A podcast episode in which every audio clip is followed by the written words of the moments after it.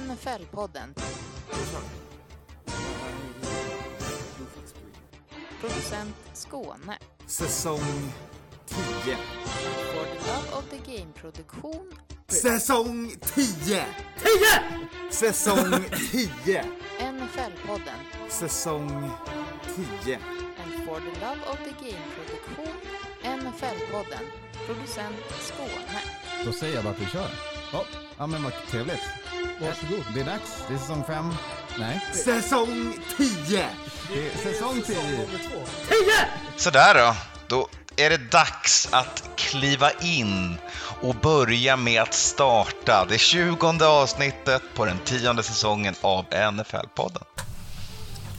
Japp! För en sekund Jajamän, var det så här, kommer jag vara själv? Är det en monolog? Finns det en röst där ute i etern som möter mig? Detta Ja, i dessa mellandagar. Eh, som ni hör där ute, eh, det hör ni säkert på. Vi är inte i samma rum, jag och Skåne. Vi har gett True. de andra herrarna lite härligt eh, julledigt mellan dagarna. Jag sitter och myser här med en kopp te. Eh, har en kopp kaffe. Det är kvällskvisten på torsdagen. Vi vet att det kommer spelas fotboll i natt. Vi kör digitalt. Eh, Men eh, jag vill säga att vi har ett, ett riktigt späckat program. Jag tycker det, det finns kul. Det är kul saker att prata om den här veckan måste jag säga. Så därför att göra lite reklam som jag har hört man ska göra i början av ett avsnitt för att fånga lyssnaren så att de stannar. Ja, absolut. Det tycker jag. Eh, det, jag tyckte du gjorde det bra. Tack. Så att eh, om du vill säga Eller- någonting mer om det som komma skall eller liksom Just det, det kan man göra också. Det brukar också hjälpa vill. att säga vad det är man ska göra. korta, snabba kan vi ju bara avsluta, kan vi ju bara säga att vi ska ha med tänker jag. Ja, de kommer på där, eh, som vanligt. Sen har ju eh, Black Monday skördat ett offer i, i dåtiden, kan man väl säga. Eh, sen ska vi prata lite, eh, lite pengar, snabbt. Det är alltid kul med pengar. Eh, vi ska kika in hos domarna, vi ska tacka för kaffet och eh, så tänkte jag att vi ska picka lite matcher. Det brukar vara kul. Mm. Jag tänker att du måste ju tycka att det är extra roligt i år, tänker jag. Ja, För nej, att men, liksom, eh, allt, stjärnorna allt har ju landar. stått lite mer eh, rätt för din del, så att säga. Jag förstår inte vad du Eh, menar, det har alltid sett ut så här. Ja, mm, Nu skriver vi om absolut. historien. Men eh, vi fick äran att välja match. Eh, Hardrock, man kan tro att det är Matte som fått välja, eh, men jag tror han blir mest nervös av att ha sitt Patriots på Ja, hemmaplan, Dolphins på besök, playoff on the line för båda lagen. Mm, Eh, jag vill kolla på Teddy, så jag röstar på att se den matchen. Eh, ja. Det ser ju ut att bli ligans två sämsta offens vi kommer få bjuda oss på. nej, nej, nej. Patriots är en klass för sig själva. ja, men jo. Ja, och där, vet, alltså, där kan man ju i alla fall så här, jämföra det här. Vi prat, det var länge sedan vi pratade om QB regression och framförallt rookie regression. Ehm, här tror jag inte man ens kan prata om det. Eller? Mm.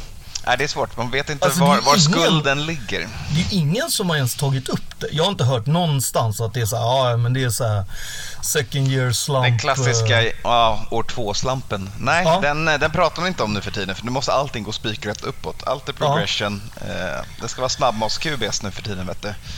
Man får inte snubbla. Nej, då är det jobbigt om man heter mac and cheese också. och, och, och inte lägger på så mycket ost på grejerna utan det är, det är fan sparsmakat. Det är ju vatten och bröd han Ja, det vi, veganer uppskattar ändå det. Att det inte är så jävla mycket ost från de där burgarna. Eller makaroner då för att hålla referensen vid liv. Ja. Coolt, vi kör. Eh, eh, trudelutt, korta snabba.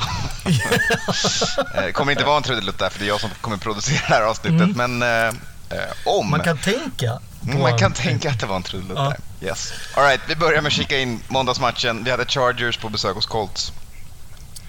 Ja, och jag, jag tror väl aldrig att jag har sett Chargers spela så här tråkigt. Alltså det, det kändes Ja. verkligen som att Brandon Staley sa så här: okej grabbar, alltså idag är det inte roligt att vi, eller idag är det inte viktigt att vi bjuder på något skoj liksom. Vi ska, vi ska fan med bara säkra den här jävla vinsten, eller playoff-spotten Ja, som, men- de, som han faktiskt fuckade upp förra året. Ja, ja, exakt. Och det Så- kändes verkligen som att det var en, eh, en krampaktig insats från det bättre laget. Förståeligt, playoff on the line. Fortsätter Chargers som de gör så har de en given wildcard-plats. Colts utslagna sedan länge. Eh, och De bjöd ju inte på så mycket dans framåt med Foles. Eh, även om jag inte tycker att alla misstag var Foles egna. Så hade han några, några dåliga beslut. Ehm, Ja, men generellt sett, Colts defense dök väl ändå upp någorlunda. Eh, eller så var det Chargers som spelade ner sig till deras nivå. Alltid svårt att avgöra i en match. Ja, samtidigt, eh, alltså jag tycker ju så här att, jag menar, eh, Chargers har ju alltid försökt springa med bollen. Det är svårt mot Colts. Colts har ju ett bra run. Det- Alltså de, de staffar ju verkligen upp. Alltså det går ju inte att springa up the middle. Och har du då liksom, det var så tydligt att, att Burrow, han behöver fria tyglar tyckte jag. Ehm, alltså han kan ju han kan ju bjuda på så jävla mycket godis och den här gången så var det verkligen så här. Nej, okej, men, oh, ah, vi ska bara ha en first down. Vi ska inte... Oh. Och det, det såg ut som att han inte var så glad åt det. Alltså att han inte...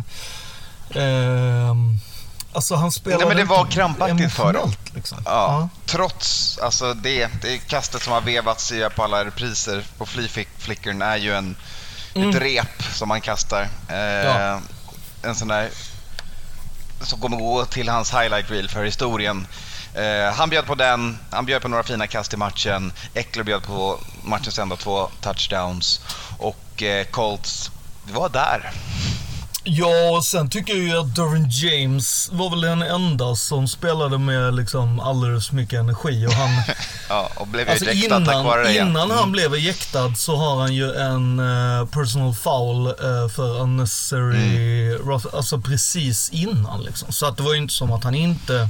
Men han är väl tillbaka från skada ganska nyligen nu, så han hade väl lite mer energi och inte riktigt fattade att det här var en mellanmjölksmatch som Chargers Ja. skulle spela. Exakt. Eh, och eh, det var ju verkligen så, alltså, men man får ju inte säga så här, det var rätt åt han liksom, men det var ju tydligt att Dervin var den som blev mest skakad av, även om man tog ut eh, Ashton Doolin och i uh, locker room tydligt kunde se att han, även han var Ja men exakt, det var en, liksom. det var en olycklig i och med att det är inte så att han försöker headhunta, han försöker sänka huvudet för att rappa, men det blir ju så av effekten samtidigt som receivern är på väg ner också. Eh, Så det blir ju Ja. en alldeles för aggressiv satsning på vad, Ja. jämfört med vad som behövdes. Ja. Två hjärnskakningar eh, som, ja, inte helt oväntat kommer vi prata mer om hjärnskakningar senare i avsnittet. Men vi kan väl lämna eh, den här matchen eh, och hoppa vidare Mm. in i nästa lilla intressanta händelse vi har att, att kika på från förra veckan. Vi pratade inte om det i No Huddle, eh, för vi hade inte sett det då. Eh, Det hade inte uppmärksammats. Men efter matchen mellan Broncos och Rams eh, så var det lite bråk under postgame-hälsningarna. Ja, jag såg ju lite av den här matchen. Eh, mest för att jag... Ja, men jag vill lite... så- Jag hade här, ju stängt av efter halvlek. Ja, det, jo, jo. det var jag Men- öppen med att erkänna. Ja, nej men jag, jag... Vi kollade lite och så här. Vi var väl mest intresserade av att se liksom hur... Skulle de ha byggt ut liksom från slime-grejen och sådär och skulle man liksom... Alltså vi kollade ju Nickelodeon. Ni ville se och- Patrick Starr vara kommentator, erkänn. Okej. Nej men det, så att det var ju liksom sådana grejer. Men det som, jag, det som slog mig då var ju liksom det här med att det var det var inte så jävla glatt på Broncos eh, sidlinje. Alltså det var ju liksom, det, det var en känsla som att när som helst kunde ryka ihop, alltså på själva sidlinjen. Ja, det var riktigt mycket eh, krutdurk över den. Eh, det finns ju en in- Och- man, kameran fångade ju en instans när Ripien, backup-kuben eh, och en O-lineman har, de, jag tror de missförstår varandra. Ripien försöker säga åt linjen att eh, om Russ blir säkrad så måste ni lyfta upp honom från marken. Eh, och lineman, eh, deras Walter Payton Man of the Year-nomini, hör eh, varför blir Russ Wilson säkrad typ och tror att han skyller på dem. Så de börjar knuffas lite. Eh, så det var inte alltså, god de stämning. blir ju mi- milt uttryckt eh, råförbannade Ja. på varandra. Och det är ju också så här när det är sex o-line mot en backup quarterback så kan man tycka att det är lite unfair. Men Det är det, men jag tycker ändå cred till Ripien som, som tar den konversationen ändå och går fram Ja. till liksom deras linjens ledare och bara så här, hallå, ni måste Eh, sen var det synd att de missförstod varandra. Ja. Eh, men eh, rimlig kritik ändå. Ja, det tycker jag. Och samtidigt så tror jag också att man kan vänta med den kritiken för att i ett heated moment så är det inte alltid så att man lyssnar jätte, jättebra. Alltså, det, så att jag menar, jag ska inte försvara online men jag, jag förstår att det blir ett missförstånd om någon springer fram till dig direkt efter eh, du inte känner att det var jättebra gjort. Ja, så vi har konstaterat att eh, temperaturen är hög på Broncos sida. Eh, Ja. Under postgame-lallandet så är det Randy Gregory och Ode Abushi eh, som börjar veva. bråka. Ja. Eh, och det är ju liksom, det är den här klassiska idiotgrejen när man slår varandra på hjälmen. Eller alltså knyta, alltså du, hela den här. Men det är ju liksom, Knuten hand mot hjälm. Hjälm Ja. vinner. Ja ja, men och, och det är ju inte liksom heller det som NFL går ut och säger så här, men det är inte så bra att ni gör det. Utan det är ju den här hela grejen att så här, när ni är där så är det ju liksom, där ute är ju media också. Där ute är ju asmycket folk som liksom kan bli skadade. Ja, det är Så inte så smart att börja... Och det är också utanför matchen, så vid det här tillfället så kan Mm. det faktiskt ses som... Assault. Eh, ja, exakt. Eh, det, jag, det roliga här tycker jag är dock att NFL märker man inte ser det som det. För att i det språket de använder i det här brevet som de fick sen då från någon NFL-VP, eh, John Runyon, Ja. så säger han att så här, As citat då, så säger han att you stopped and swung at each, each other's head and or neck. Ingen svingar mot en nacke. Det är inte någon som bara, jag ska slå den där killen. Eller tjejen. Och jag ska klippa till rätt på sidan av nacken. Ja, Nej, det är mot huvudet man svingar alltid. Men de, de har ju fortfarande sitt NFL-språk här, så som de skulle prata om det hände på planen. Ja. Och tacklingen är då mot head and or neck area. ja. Men här blir det språkvalet Ja, Otroligt det ju- fel. Mm, ibland hade man ju önskat att det var mer talspråk också, kan jag säga. För att det är väldigt sällan som man säger head And and, or. slash or. Eller and or. Vilket är också så här. Ja.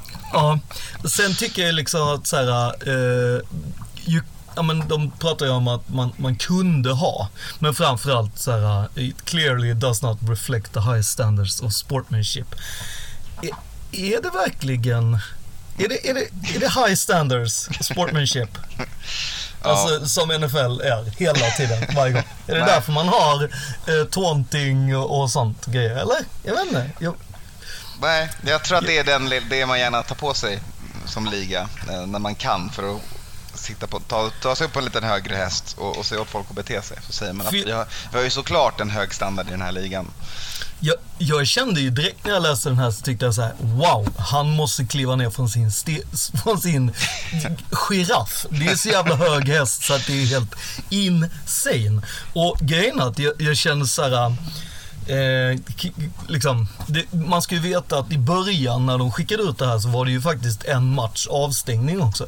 Jag vet inte om så här, John Runman är liksom typ någon form av domare där som är skithård. NFLs egna moralpolis. Ja, och sen så går liksom Godell och bara pff, lugn. Alltså, alltså man får slåss. Det, är- det, det är inget konstigt. Exakt. Eh, Ni får bara betala lite. Det blir Alla lite får- böter bara. Eh, slutet gott, allting gott för eh, förhoppningsvis då eh, intresseorganisationerna som får bötespengarna. För det är ändå Ja. det som är det bra med det här. Ja, faktiskt. Det är kul. Vi hoppar vidare korta snabba och gör en lite mediumlång avstickare eh, i de givetvis korta snabba för att ta ett besök hos AFC Easts gäng quarterbacks. Vi kommer eh, lämna Josh Allen hemma. Eh, han, han, har- han har gjort det bra. Han, är, han har inga nyheter. Eh, han är, det, det går bra. Det, det rullar på fint i Bills. Eh, vi ska prata om de andra tre. Eh, och jag tänker att vi börjar, eh, i och med att vi har redan varit lite inne på, på ligan själv, så kan vi ta Tua först. Ehm, Jag tycker det. för att eh, efter matchen mot Packers, där Tua spelade väldigt bra en halvlek och väldigt sämre en annan halvlek, så dök det upp eh, information som visade på att han fick en rejäl smäll eh, och en hjärnskakning som man inte fångade. Så för att sätta det i sin kontext. Tua Tagovailoa, som är anledning till varför NFL det här året införde spotters för att man inte lyckades uppmärksamma när han hade en hjärnskakning tidigare. Han fick spela igen och fick en till hjärnskakning. Yes. Återigen fick han en hjärnskakning i en match som inte hittades och han fick avsluta matchen. Ja. Och ehm, NFLPA gick ju, alltså, och, och då är det så här. På måndagen så rapporterar han in. Så att det är alltså ingen under match, ingen efter, direkt efter matchen. Det, är ingen, det finns ingenting förrän Tua på måndagen så här, Eh, jag måste rapportera in att jag mår inget bra alls. Eh, jag kan tänka mig att han mådde väldigt illa liksom. Eh, Ja men verkligen, han lär ju såklart ha symptom med tanke på att det är tredje Ja. på kanske tio veckor nu liksom. Ja men precis. Och då tänker jag så här att det, det är oftast liksom ett, ett starkt illamående som också är väldigt liksom igenkännande. Och när man har det så då, då det, det är ganska tydligt. Så jag tänker att det är det plus någonting annat. Det kan ju vara blur vision, det kan vara vad tusan som helst. Huvudvärk, sprängande huvudvärk. Men det är uppenbarligen någonting som han känner att detta är helt liksom without a doubt liksom, ja, alltså concussion. Eh, och därför så rapporterar han in det på måndagen. Och eh, när han gör det, då blir ju även NFLPA direkt informerad. Och de direkt säger ju då, det här måste vi kolla noggrannare på. Eh, och det, jag antar att när NFL, eh, NFLPA även rapporterar till NFL och även Dolphins rapporterar väl till NFL Ehm, därför att ganska snabbt så har ju liksom NFL satt ihop liksom att eh, han, Dr. Alan Sills, som är huvud, eh, chefs, eh, NFLs chefsläkare, eh, så har han ju liksom suttit och gått igenom hela filmen med spotters och suttit och pratat och bla bla bla. Och att de menar att det inte finns någonting i hela matchen som skulle kunna Nej men för det är det som är så konstigt. Jag, liksom. det låter ju som, jag antar, eftersom de inte säger att de har liksom gjort en riktig evaluation på dem. De har inte, ingen har avbrutit matchen någon gång. De har Nej. inte tagit dem och gjort en sån riktig spotcheck som de ska göra. För Nej, de säger alltså ju då, ja. och det här tycker jag är det som är så damning, att de säger så här, det var en smäll till huvudet, men the player did not report any symptoms. Precis. Trots precis. att han var i kontakt med medical staff throughout the game. Trots att han Mm. prat, vilket är ett väldigt luddigt sätt att säga på att han, jag tolkar det som att de inte gjorde en concussion check på honom. Bara så här, han var i närheten av läkare och sa inget själv. Ja, För om jag ska exakt. läsa legalese här från NFL så är de väldigt noga med sitt ordval här Ja. och Oh, ja. säger att eh, Tua sa ingenting. Nej. Men det ska ju inte han behöva göra längre. Nej, och, och att de säger också det fanns ingenting som vi hade kunnat göra för Ja. att trigga protokollet. Det är de sjukt noga. Det säger de flera gånger i många olika sätt. Men Men det de that's säger... horse shit. Ja, ja. Alltså det är ju liksom... Eh, och, och det som... Eh, det som jag blev lite irriterad också är ju att alltså Mike McDaniel, ant, antingen A, så är han helt omediatränad, vilket jag har svårt att tro. Eller B, så, har han, så tycker han det är lite löjligt med hjärnskakning. Alltså det är någonting, alltså sen kanske det är någonstans däremellan också såklart. Men han säger ju eh, att eh, I'm, I'm, I'm uncertain at this point if he indeed suffered a concussion. Alltså, det är ju liksom... Det för mig var ett, ett tråkigt ordval. Alltså att du är osäker på att han faktiskt har... Eh, Jag har en hjärnskakning men att han har symptom fyller han i sen också. Ja. Eh, jag, jag skulle chansa, jag väljer att tolka det i, i hans fördel för att jag tycker om honom, så nypa salt. Eh, jag skulle Ja. tolka det som att här, det, det, är inte, det är läkarna som får komma med de eh, sakerna. Att han undviker frågan kort och gott Ja. för att inte kasta läkarna under bussen. Jo, och sen är det ju så här, sen, sen säger ju eh, Alan Sills en grej som är så här att liksom som för han, det, finns en text. Eh, och han är NFLs Chief Medical Officer. Ja, och när han säger There are many blows to the head that occur during a game. Och bara så här, men, men det är inte alltid att de gör skador. Det här är ju exakt de grejerna som Brett Lindros, så lillebror till Eric, Eric. Lindros, som... Eh, Hockey, var- Flyers. Exakt. Eh, han blev ju, eh, han fick ju concussion på concussion på concussion. Och fick sluta, han fick gå ut i retirement på grund av att han fick eh, hjärnskakning när han nyste. För så illa blev det. För att det är nämligen så att ju fler hjärnskakningar du får under kortare tid, desto lättare blir det. Det är Mm. liksom som att du slår upp en skada.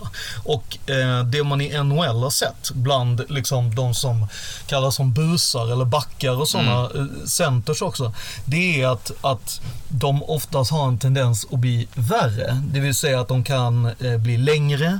Eh, det kan bli ett större eh, mörker som spelarna har uttryckt det. Eh, och det har ju även liksom eh, safeties till exempel uttryckt att det är så här, ja men hu- när liksom huvudvärk eller liksom migränen slår till så kan det vara mycket längre eller jag har svårare liksom att, att liksom inte drabbas av en kraftig depression också. Alltså att alla de här bitarna som i början kanske är lite milda de är väldigt, de blir snabbt väldigt mycket grövre. Ehm, ja, exakt. Eh, så att eh, det här är någonting som... Eh, hans backup, Teddy Bridgewater, har också haft ett gäng hjärnskakningar under karriären. Och alla i NFL, kort och gott kan man säga, kommer någon gång drabbas av det. Eh, Det är tyvärr så med den sporten eh, och hur långt man kommer med säkerhetsutrustningen än så länge. Ehm, Så att vi får väl se vad som händer med den här historien. Det ska utredas. Eh, Vi lämnar det för nu och hoppar vidare till nästa i QB som NFL var inne och kikade på från AFC East. Det är Mac Jones. Som eh, förväntades, eh, eller man, det fanns en aning om att han skulle kunna få en fine för en, eh, en lite ful cutblock på Eli Apple eh, i matchen mot Bengals. Ja, och det var ju framförallt efter eh, att Eli Apple på liksom, presskonferenser och liknande gick ut och sa att jo men det är inte första gången som Mac Jones gör det här. Nej, så Det sen ganska- så rullar highlights-klippet när han slidar och sparkar en person mellan benen och han, han har ett gäng tillfällen där han är eh, hyperaggressiv kan man väl säga. Men samtidigt så kände jag också så här att det är, alltså, och här kommer ju det då min bild av Eli Apple som jävligt gnällig ja, corner som gärna är så här, så fort någon gör någonting mot han, då är det så här, hela världen står i brand, fy fan den här spelaren. Men han själv har jävligt mycket dirty tricks och liksom ganska slapp på, i sin position liksom. Eh, och det är ju såklart speglat av mina glasögon som jag har på mig. men men, men det, det är ju det är väldigt intressant tycker jag att liksom hur han då säger nej men jag visste eh, och det här är någonting han gör typ hela tiden. Och jag tror att hade han inte använt ordvalet som att säga ja men jag vet att han skulle göra det Typ, jag var så duktig så att jag klarade, eh, liksom Jag höll mig borta från honom. en skada liksom. Det är inte jättesvårt att hoppa över Mac Jones, det är bara att fråga Chandler. eh, Exakt. Jones hur svårt det är. Eh, och då, då var det liksom så att då blev det ju såklart någonting de behövde kolla upp. Och så hittade de att det fanns ju faktiskt inte riktigt så mycket i det, Det var här. inte värt en Eh, fine. Nej. Och det säger väl ganska mycket för att sen tycker jag också att, jag menar, det är klart att Mac Jones bara, det är så jävla många, det är inte så många sekunder och eh, jag liksom försökte slänga mig liksom. Mm. Det, det, det var en sån där millimeterplay som ökar chansen att det inte blir en, eh, en Ja. score för Bengals med kanske den minsta decimalen du kan hitta för att han då, det är en, Mm. en annan spelare som han också tar ut ur situationen som egentligen inte är där eftersom det är Von Bell som springer tillbaka med bollen. Eh, nåväl, eh, Ja. nog om dem. Vidare till nummer tre. Eh, Som trean, också NFL har haft koll på. Ja, ja, exakt. Och det är ju Mike White och hans rib injury. Eh, Jets Mm. QB, startande QB, tack gud, tror jag många i Jetsvärlden säger för det. Ehm, som, han gick väl till 74 läkare känns det som eh, innan eh, de här Ja. matcherna för att försöka få sin eh, revbensskada clearad och eh, få tillåtelse att spela. Fick inte det. Nej. Och nu har han fått det. Och det Ja. känns ju som att, liksom, jag vet inte om han lyckades övertyga eller att det faktiskt blev bättre. Det känns ju lite så här. Den, den tror jag också att de behöver kolla till det här med liksom, hur många gånger kan du be om en second opinion liksom. Mm. Och hur mycket Ja, liksom... Håller med. Det, för att jag, kan, jag kan ju känna att så här, det, finns en, det finns en ganska stor skillnad om det är så här, eh, teamläkaren tycker att du ska eh, operera av din arm för Ja, att du och så får snabbare. du en second opinion som bara, mm, kanske inte. Nej, du kan nog ha kvar den. Okej, ja men jag kanske vill ha en tredje. Alltså då skulle jag köpa det. Men det här med att så här, kan jag spela med ribs? eh, jo, alltså du behöver När, ju när dem, du men frågar din helst... tionde läkare så kanske Ja. de borde se åt dig att det är dags att sluta. Och frågan är, hur ställer du då frågan? Ställer du frågan så här, tidigare ni har svarat så här. Ja, jag önskar helst inte samma svar. Kommer du, jag säga, kommer du säga samma svar, då, då kommer jag bara gå vidare. Liksom. Exakt, då tar jag ja. nästa. Ja, men ehm, ja, han är tillbaka och vilket sätter då Zach Wilson i någon form av eh, Ja, men han har. Zach Wilson har satt sig själv i ett vakuum. Han är inaktiv nu, han är inte deras tvåa. Det kommer vara Joe Flacco som är backup efter att vi alla har sett Zach Wilson eh, fallera de senaste två veckorna. Eh, men White är tillbaka, vilket kanske kan rädda Jets slutspelsdrömmar. Vi får se. Eh, Men det där finns känner, jag måste ändå, jag måste En ändå dra lite. Mm. jag måste ändå dra lite så. Jag, Är det inte bara en misshandling av, eh, av Zach Wilson? Alltså, Ja, det är en om du- missdrafting av Zach Wilson. Eh, okej. Fields du, du var clearly... QB2. Alltså, Lawrence och Fields var QB1 och 2.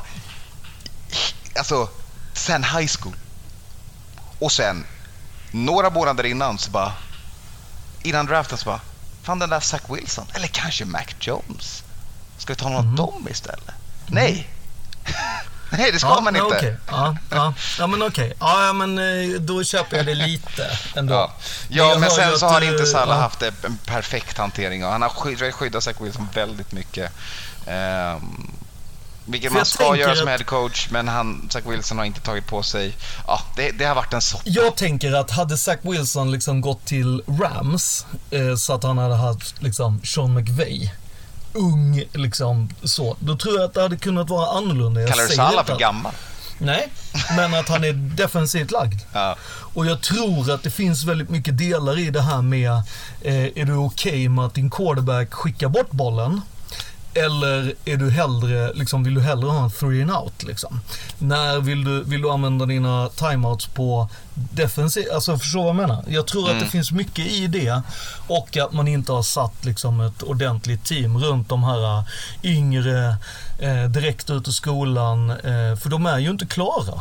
Alltså, Nej. bara att kolla. Det är väldigt få som är färdigbakade direkt Mm. ur college som NFL-spelare. Eh, det märks på Wilson som vi troligtvis inte kommer få se i en Jets-tröja igen. All right, vi lämnar de korta snabba. Det har bara gått en halvtimme. Rullar Okej. vidare. Eh, vi tar ett eh, lite Black Monday eh, preseason. Eh, det är Nathaniel Hackett, Broncos head coach, före detta numera. Eh, efter 4-11 och efter otroligt dåliga publiksiffror senaste veckorna eh, och efter en otrolig utskåpning i matchens senaste laget. Som sagt, började fightas med motståndarlaget, började fightas med varandra, så är förtroendet för hacket slut. Mm, det var det. Och man, alltså, där tycker jag ändå så här att det har ju barkat ditåt hela tiden. Alltså dels så var man ju ganska snabbt, jag tror det var vecka två som man pratade om han med, med playcallingen och sen så var det ju liksom time management. Då tog han, och, Time Management tog han ju in Jerry Roseberg som nu kommer vara deras Mm. interim-HC för att hjälpa honom bli bättre på eh, att hantera timeouts och klockan och allt sånt där. Exakt, och det var ju inte bara han utan det var ju också eh, liksom de exekutiva som var så här, du får välja en av de här kandidaterna typ liksom. Så att det var ju eh, ganska tydligt att de ville ha någon som skulle försöka hjälpa han. Gick inte jättebra, han lämnade ju ifrån sig playcallingen, eh, gjorde de bitarna och eh, ja, eh, nu är han ju sparkad. Eh, och det visar väl den här biten med att det är inte alltid så att du kan gå ifrån en och vara liksom en, eh, alltså han var ju trots allt quarterback coach, inte offensiv koordinator. Eh, och hoppet kan ju vara för långt ibland liksom. Det var lite så va? Det, det var lite som att man tänkte att ah, han löser nog det. Han är ju härlig och trevlig. För han är ju en, en glad, sprallig prick. Ja, är så lite frågar, skön. man, frågar man Aaron Rodgers så kan han ju uppenbarligen inte spela fotboll utan han den här uh, lite roliga, liksom, nu går vi till baren och kastar lite pil. Alltså, men, men det kan man ju inte riktigt göra om du ska leda 53 pers tänker jag. Eller så blir det en väldigt stor bar man måste gå till. Ja, väldigt mycket pil. eh, det intressanta tycker jag med Broncos är att George Patton, eh, deras Mhm. ganska nya general manager som också anställde Hackett, eh, kommer eh, utvärdera och, och söka efter nästa headcoach. Men den headcoachen kommer inte rapportera in till Patton. Så han har liksom fallit ner en, en rung på den organisatoriska maktstegen. Så den nya Exakt. headcoachen kommer också rapportera in till ägarstaben. Och det som också är väldigt kul i den här lilla soppan, det är ju att han inte är helt klar. De har ju alltså sagt till han att du får ju, alltså beroende på hur väl du utför de sista veckorna, så kommer vi göra ett beslut på om du kommer få vara kvar. Så att det är ju, sätter ju också väldigt mycket press på han. Eh, och sen är det ju också så att eh, det, det första som skedde var ju att Jerry eh, sparkade två stycken assister, alltså eh, coacher, eller alltså, Skickade special teams och koordinator. online. Ja, och eh, deras eh, assistenter tog över de rollerna. Men det är ju liksom, det, alltså, det och sen så gick ju Jerry ut och sa att, eh, eller om det var George, George eller Jerry, någon av dem gick ut och sa att Russell Wilson is fixable. Det är kanske det roligaste jag har hört den här... Som en eh, QB som vunnit Super Bowl, ja. Exakt. Den Och här, det är en alltså, otrolig backhanded compliment att få. Tänk att få Ass- höra den. Vi kan, vi kan fixa den där killen. Han bara, jag trodde jag var okej. Alltså, å andra sidan, så många gånger som man har hört han säga Let's ride. Eller liksom vad det, alltså då är det ju, alltså, alltså. Ja. Nej men den ärliga frågan är ju, ja. är Russell Wilson fixable? Så de säger ju faktiskt det som alla tänker för en gångs skull och de använder inte coach speak eller GM speak för att förtälja och dölja det. De accidentally said the truth. Ja, kom det te över allt nu? Nej, så tyvärr har jag hunnit dricka upp mitt te. Så att eh, vi klarade Jag blev oss. lite... Jag med. Hoppa till i hjärtat kan jag säga. Jag var lite osäker på om jag druckit upp allt. Eh, med, med den fina övergången eh, så lämnar vi Black Monday med att konstatera att vi nu har tappat, eh, vi kan skjuta tre eh, Hunger Games-kanoner i luften. För Hackett, för Frank Reich och för Matt Rule. John Robinson har lämnat Titans som GM och eh, ja, mer huvuden faller snart. Ja, All right. säger jag. på tal om eh, Huvuden. huvuden och eh, det svåra spelet med att bygga ett lag så kostar det ju också pengar att göra det. Så eh, då måste man show the money till lite spelare och det är två linjespelare som har fått fina, trevliga kontrakt. Det är Elton Jenkins för Packers som får fyra år, 68 mille. Eh, han har varit eh, kanon för dem sedan de draftade honom 2019 Ja, eh, en surefire guard eh, och numera den bäst betalda, nej näst bäst betalda guarden i ligan eh, för Packers. Och eh, vidare lite längre ut på linjen så Jack Conklin i Browns. ja. Eh, han får fyra år förlängt 60 miljoner för att fortsätta försvara eh, Browns och ligans mest älskade QB. Men det, och det är ju liksom, det är två, det är no-brainers så att jag menar det var ju inte konstigt att de gick ut ganska snabbt. Jag tycker det är bra att de gör det under säsong. För att det, vi, det ger ju, om någonting så ger det ju eh, lag som kanske inte har så mycket att hurra för. Eh, någonting att faktiskt hurra för. Att säga, okej, men ni, okej, vi kommer inte förlora de här giganterna liksom. Ja men exakt, det är ett sätt att, att visa vilka som kommer vara kvar nästa år. Nu har ju Packers fortfarande slutspelsdrömmar. Eh, inte så mycket Browns. Eh, men det visar vad man bygger för i framtiden. Ja, absolut.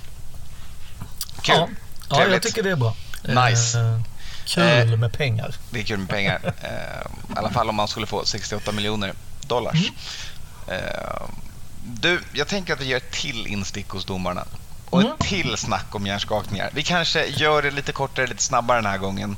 Men i paragrafrytteri så ska vi kika in på Devonte Parkers hjärnskakning. Ni kommer ihåg den där han inte heller blev fångad av The Spotters och eh, hans eh, hjälte till kollega eh, det var Agolor va? Eh, Nelson. Aguilar höll på att bli vansinnig. Ja, han tog ett knä, Eh, försökte stoppa eh, allting, försökte få uppmärksamhet från Stod domarna. och flaxade så att han höll på att lyfta. Typ Exakt, och fick äntligen eh, dem att blåsa av matchen för att kika på Devante. Eh, och i en joint statement. Så både NFLPA och NFL har kommit fram till att de hittade inga violations of concussion protocol. Eh, noting that i, att de sa egentligen att med den medicinska concussion-nissen som ska hålla koll Ja. höll på att stoppa det här Ja. när Cardinals kastade en challenge-flagga. Ja, så han hann inte fram. Så att det de säger egentligen är att så här, hade inte eh, liksom Carolina, eller förlåt Carolina, Cardinals skickat challenge så hade vi blåst av matchen. Vilket är ju ett tydligt sätt, jag, jag är call bullshit. Eh, rakt av. Ja, rakt av. Jag tänker att han borde ha ett annat sätt. Det kan vara att de har fel system. Jag, ska, om, jag vet inte om det är att han behöver hitta en brevduva, skriva ett meddelande, Mm. låsa fast det i benet, skicka iväg den där, kanske en korp, Ja, för att få fram meddelandet. Ja, Eller om han ja. behöver liksom signalera Ja. det. Är det rökeld?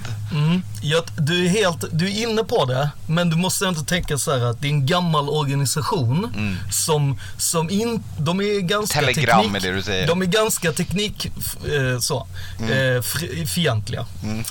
Så antingen så är det ju A, han måste skriva ett fax. Och det vet vi hur det går. Ja, eller B, han har en, en, en telefon, till exempel Nokia, så att, som har T9. Så att han måste liksom skriva liksom... Varje tar- bokstav, flera Mhm, tryck. Exakt, och. Mm. det tar ju lite längre, vilket gör att det kan vara ju bra att de ibland har en smartphone, tänker jag. Eller alternativt att han får en flagga och skicka in. Mm. Ja. Alltså, ge han en blå Ge flagga. honom någonting som man kan Jag göra för att avsluta. Någonting. Ja. Ja. Han kan ju också typ rycka elen eller något sånt. Alltså någon grej tänker jag. Det, Det är kanske nice. är lite Då väl. räknar vi in det till två lögner på en vecka för en liga som, om vi citerar, vad hette han, John O, han den John där över, över eh, alltså Vigilante killen som skrev ett brev till två killar som slogs. Eh, Det är ju en high standards of sportsmanship. eh, här. Ja, Yes, eh, vi går vidare. Eh, det ska rytterias om paragraferna lite. Eh, för NFL har faktiskt också gjort en pudel och det får man väl eh, då ge dem en liten applåd för. Eh, de sa till Commanders att eh, det skulle varit defensive pass interference på den där playen där John Dotson blev totalt muggad i matchen mot Giants. Eh, vad snällt av dem. Eh, och de har väl även sagt också att det inte borde varit en flagga för eh, covering the tackle för att man eh, linade upp fel på några spel tidigare. ja, och så har de ju också gått ut och lite sådär halv... Inte kanske slängt John Hussey som var eh, domaren. Inte slängt han under bussen, men i alla fall vädrat han under bussen. De har Eh, placerat honom lite lätt bredvid och, bussens och ena kört däck. ganska länge liksom. Men det här med att de säger, ja men det här med pass interference is a judgment, judgment call som var det han sa, var de lite så här. Ja, det är det ju inte riktigt. Utan, ja, de vill ju ha det till att det ska vara, alltså, ett, alltså samma alltid. Då är det väl egentligen det alla vill ha. Ja. Eh, Ehm, men det är ju ändå lite så här, alltså, de säger att domaren såg ingenting och, eh, och det, det har jag svårt att fatta.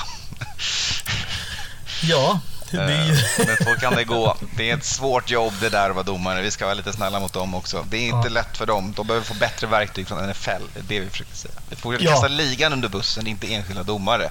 De gör ju bara ett jobb de knappt får betalt för, för att vara i så mycket fara och få så mycket skit. Ja, verkligen. Och typ knappt få uttala sig. Jag trodde att de skulle faktiskt typ sparka han för att han uttalade sig så mycket som Mm. att pass interference is a judgment call. Jag bara oh, du, du, alltså micken får bara, du får bara prata under de här eh, 60 minuterna liksom effektiv tid. Just det, det var, det var inte John Dotson, det var Curtis Samuel som blev kramad. Ja, men eh, ja. Det, Vi- det, vi lämnar dem. Vi lämnar dem. Eh, vi kan säga att i eh, de, den lilla övertiden som kommer sen för alla Patreons där ute eh, så kanske det finns lite andra QB-nyheter att prata om. Vi tar dem där. Vi tyckte det bara Okej. vore kul att ta alla AFC QBs som ett Ja. paket. Men ja, jag vet, det har hänt saker med andra QBs också. Vi tar det i övertiden så ni vet Ja. det. Jag kom på att det skulle jag flagga för. Gjorde inte. Ja, det, det är så ibland. Det är så ibland. Flagg, flagg. Det tackar vi för. Så tack för kaffet till två till spelare. Vi börjar med Franco Harris, nummer 32 i Steelers, eh, som får sin tröja pensionerad. Bäst känd från vad? Skåne. Ja, det är Immaculate Reception. Eh, och det var ju faktiskt, det här måste jag säga, en, var ju djupt tragiskt. Alltså NFL hade ju verkligen, och, och Steelers, hade ju dukat upp bordet för att liksom hans tröja skulle liksom hängas upp. Och det, där bör man ju också säga att det är ju inte som i Chicago där liksom miljarder tröjor är pensionerade. Eh, utan Nej. Man har, inte, man har nästan pensionerat en Cutler-tröja där. Ja, det är ju den tredje tröjan som pensioneras. Och det är liksom så stort så att det är liksom så att klockorna stannar med Mm. rätta. Och eh, man skulle göra det 50 år efter att eh, Immaculate Reception gjordes som är det när han, han var rookie, eh, fångar en boll som alla tycker är helt galet och så springer han in den och han är ju liksom i Hall of Fame och allting så att det är liksom, och det som är ju, är ju att han, alltså om man jämför Immaculate Det Reception. är väl honom man möter när man går av eh, flyget. Ja, alla som flyger till Pittsburgh. I Yes. Exakt. En staty, Så- inte, han stod, stod inte där personligen. Nej, Eh, fast han gjorde det också ibland. Ja. Eh, speciellt Om det när- kommer vissa Raiders-legender som han har exakt, spelat mot exakt. mycket så gör han det. Ja, nej men just den grejen som också, som jag tror eh, Immaculate Reception alltid har varit så älskad av så många och liksom beundrat och sånt, var ju ganska my- jag skulle säga att det är 100% på grund av eh, Franco Harris. För som person så skulle jag nog beskriva honom att det är näst eh, omöjligt att ogilla honom liksom. Och eh, hur han liksom, eh, han var ju jätte jätte, jätte eh, älskad av hur många som helst i, i Raiden Nation. Alltså så här, han, bara om man Han, tar... han transcended Steelers dum. Liksom. Ja, Alltså, han såklart att var han var ju- älskad i Pittsburgh, men även Ja. andra spelare han Ja. mötte, och lag han och, var så ju ofta liksom, han var ju ofta ute på tailgatingen i Oakland till exempel. Mm. Och det är ju definitivt inte så att gamla spelare från andra lag tycker att det är den bästa grejen man ska göra. Eh, men Nej, han det tycker jag här- fortfarande inte. Vilket han tyckte var så här, men det här är en skitbra idé och var superälskad och sånt. Så att det var ju verkligen, och då är det så himla tragiskt att liksom bara Ja. några dagar innan så går han bort. Och det är liksom, jag tycker att så här, Alltså Art Rooney som är president för Steelers, han kan ju vara lite gubbig och sur och sådana grejer och inte alltid det roligaste att lyssna på. Men när han säger liksom “It wasn't supposed to be like this”. Alltså det är svårt att inte liksom bli rörd så att tårarna rinner. För att det var verkligen så här, här hade man liksom dukat upp bordet. Man skulle verkligen ge Franco- för att han skulle Ja. liksom... Man hade ju till och med sett till att eh, Steeler, eller sagt till spelarna att ni får jättegärna gå in med liksom Franco Harris tröja Och det på gjorde ju de. Steelers Ja. och Raiders kom in med Exakt. nummer 32 på tröjan. eh, Och det är ju liksom, och igenom. sen pratar man liksom med Steelers-spelarna så är ju liksom, tar du Naj, eh, Najee Harris så säger ju han att liksom Franco Harris kom första gången till min, såhär, när jag körde min charity för första gången. Då kom han dit och frågade om han fick vara med och han var den sista att lämna. Alltså du vet, du vet det, är bara, det är bara stories on stories on stories över Ja. att han är liksom... First to come, last to leave, även på charity-grejer. Så that's a fucking Ja. good guy alltså. Ja, exakt. Eh, Så så att- skittråkigt när han gick bort eh, i tisdags, helt enkelt. Ja. Eh, men eh, absolut en spelare som är värd att, att göra djupdykningar i för er som sitter och lyssnar där ute och kanske är nya till NFLs hela historia. Mm. Ja. Eh, kika in på Franco Harris, hans rivaliteter och hans liv i, i Pittsburgh. Det finns mycket. Och vill man verkligen få liksom Immaculate Reception-moden så är det ju, kolla den matchen. För matchen är skitbra. Och det är slutspel. Och det är liksom, det är verkligen liksom, ja men, det avgör hela matchen. Så om ni, om ni inte fick nog av Chandler Jones mosande liksom Mac Jones så är det här ett gott exempel att kolla på en svartvit match när det, när det blir 70-tals lite... slutspel, då Mm. smäller det. Japp. Alright, vi hoppar vidare till en till spelare. Vi ska tacka för kaffet eh, till och tacka för en otrolig karriär. Eh, det är James, Justin James Watt, också känd som JJ. Storebror till TJ och och eh, en framtida First Ballot Hall of Famer eh, som nu eh, annonserar sin retirement efter att det är klart att Cardinals inte kommer gå till slutspel när han avslutar sin karriär. Han är ju såklart mest känd för sin tid i Texans där jag Ja. förväntar mig att han kommer skriva på någon form av endagskontrakt och retire i Texan. Ja, det måste han göra. Eh, eller måste och måste, men det, det är ju liksom... Men jag, alltså, jag är inte... Alltså, jag är lite så. Alltså, jag kan säga så här. Han är ju ändå... Alltså, han spelade ju sin college i Wisconsin. Mm. Alltså om jag hade varit Packers nu så hade jag ju liksom så här: okej men du kan inte komma och spela en säsong med Aaron Rodgers, tänk dig Reggie White liksom. Mm. Ja, jag fattar. Ja. Eh, nej, jag tycker Så. det är en dålig idé. Okej. Ja, I alla fall om de, hade fått, om de hade fått honom i hans prime. Jag slängde in Ja. den i vår grupp. ju. Det finns ju en magisk bild där har dragit en graf på pass rushers. Det här kan vara 2012, 2013 någon gång kanske, 2011 kanske. Ja. Eh, så lägger de så här, win probability added. Så, så här, hur stor chans, hur mycket den här spelaren hjälper ett lag att vinna genom att vara på det laget. Så. Ja. De har, det är massa number crunching i det. Det är advanced metrics för att kolla på att så här, om den här spelaren är på planen, hur mycket bättre blir det? Och på andra sidan EPAs och liksom så här, per spel, hur mycket påverkar han matchen? Och liksom Watt är liksom han är på en annan plats statistiskt än sina eh, kompanjoner som just spelar samma position. Man har liksom, ja men Everson Griffin, man har killen som fortfarande kör JPP och liksom kanonduktiga pass rushers som ligger i toppen för hela klungan. Men sen sju mil bort på den där grafen så hittar man JJ som under sina, alltså, sina Hall of Fame-år kan man väl kalla det, eh, var unblockable. Helt Yes, det är ju inte så många som har blivit eh, Defensive Player of the Year tre gånger. Mm. Eh, och sen är det ju det. Under sina år i Texas så var han under Wade Phillips. Som har haft liksom Ett gäng alla, bra alla, pass rushers. eh, alla som har blivit två eller tre gånger eh, Defensive Player of the Years. Samtliga har spelat under Wade Phillips. Så I don't know. Kanske är det han som får dem att bli så otroligt bra. Men jag menar, alltså han har ju även gjort ti- eh, touchdowns och sånt. För han, han var ju faktiskt tight end från början. Det var, han har satt någon sådana i NFL också. Eh, och det finns ju det här magiska klippet från Hard Knocks när han spelar i Texans från 2014. När han gör entré till training campet. När han, Ja. han kommer i sin fulla prime gåendes och man bara That's a big guy. Ja, och jag gillar när han säger jag såg ett videoklipp där det var så här musclemen som så här, lyfte ett eh, traktordäck. Så jag tänkte hur svårt kan det vara? Så lyckades jag en gång. Så tänkte jag, fan jag ska se om jag kan göra det två gånger. Så bara, nu är jag uppe i 53. Man bara, okej.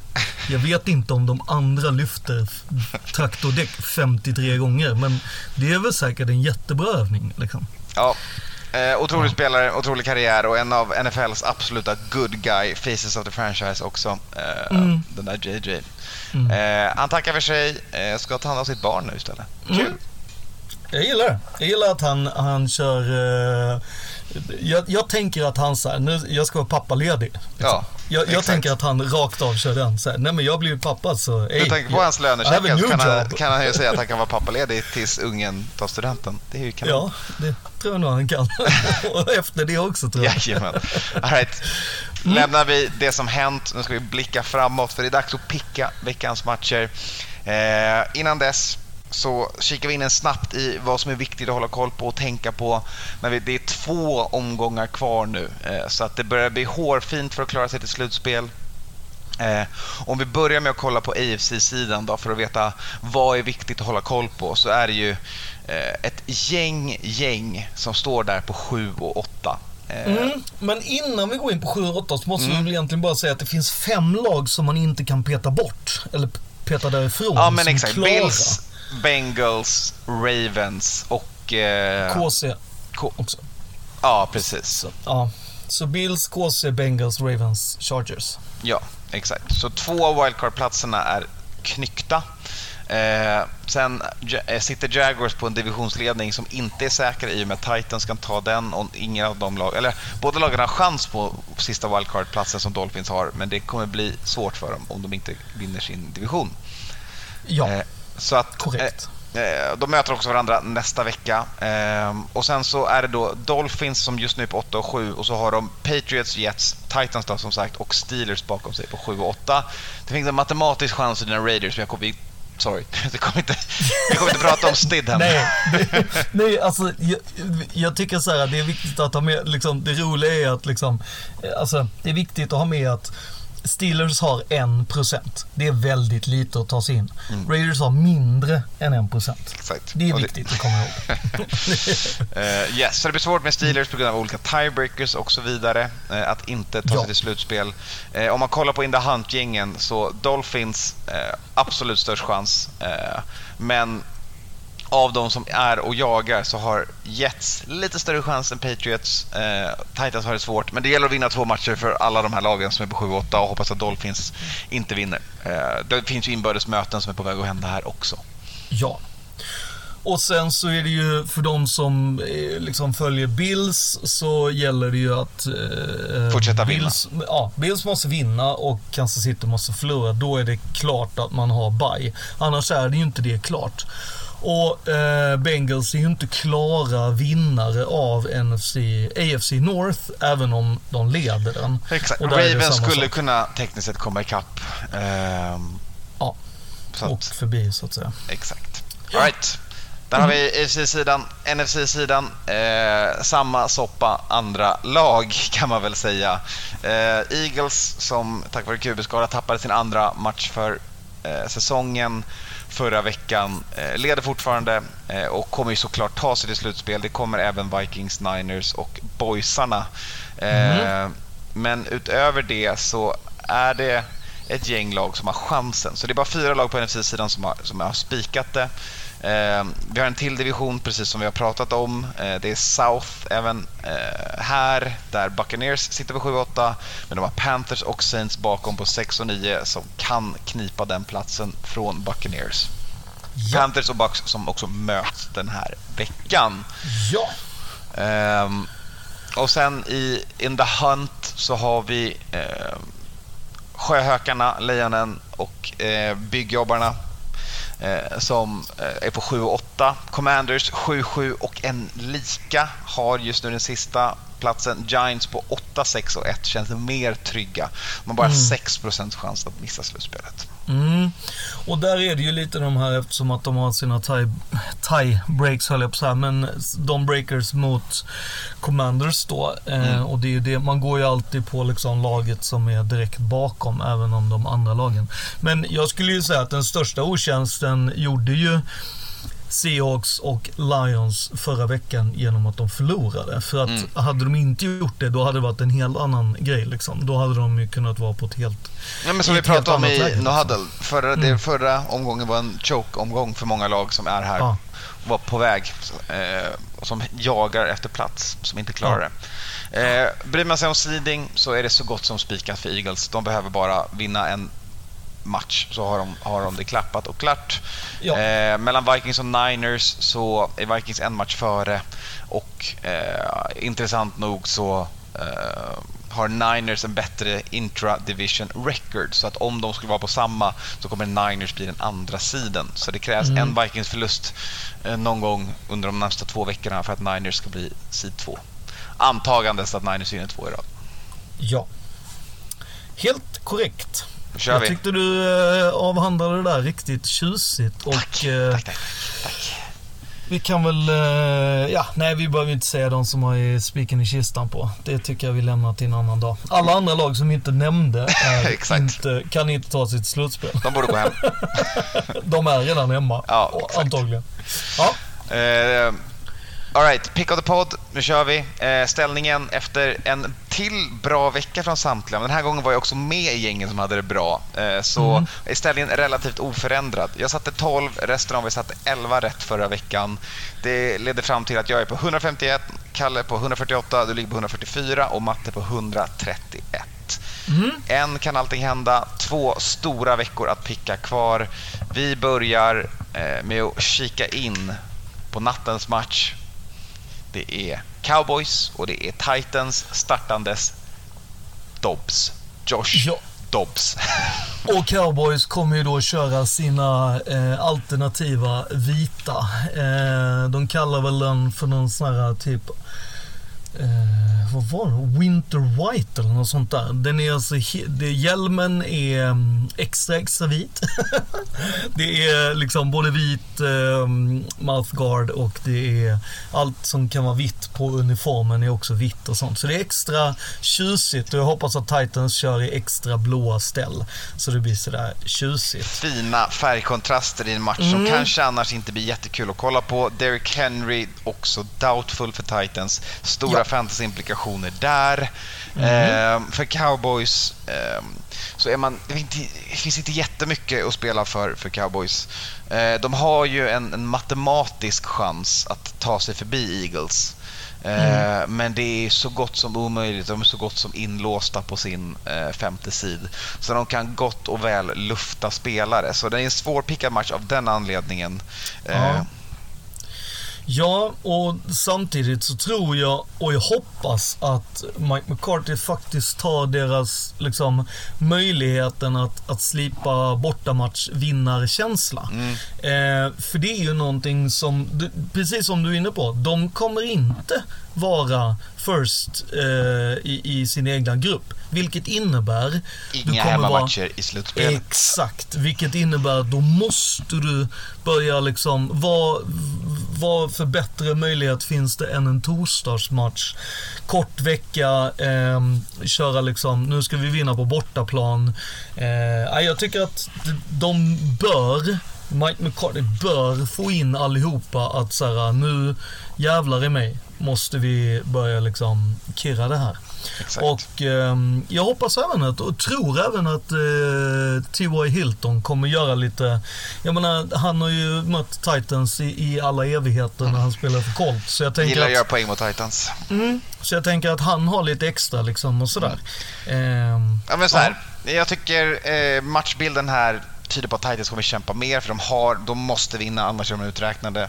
Ja. Ehm, men de har också en, ett helt register med namn på sin skadelista. Det är inte bara Tannehill och Henry. Så jag kommer haka på på Cowboys-picken i den här matchen och vi har även med oss Kalle och Matte där för fyra raka på Cowboys i den här. Mhm. All right.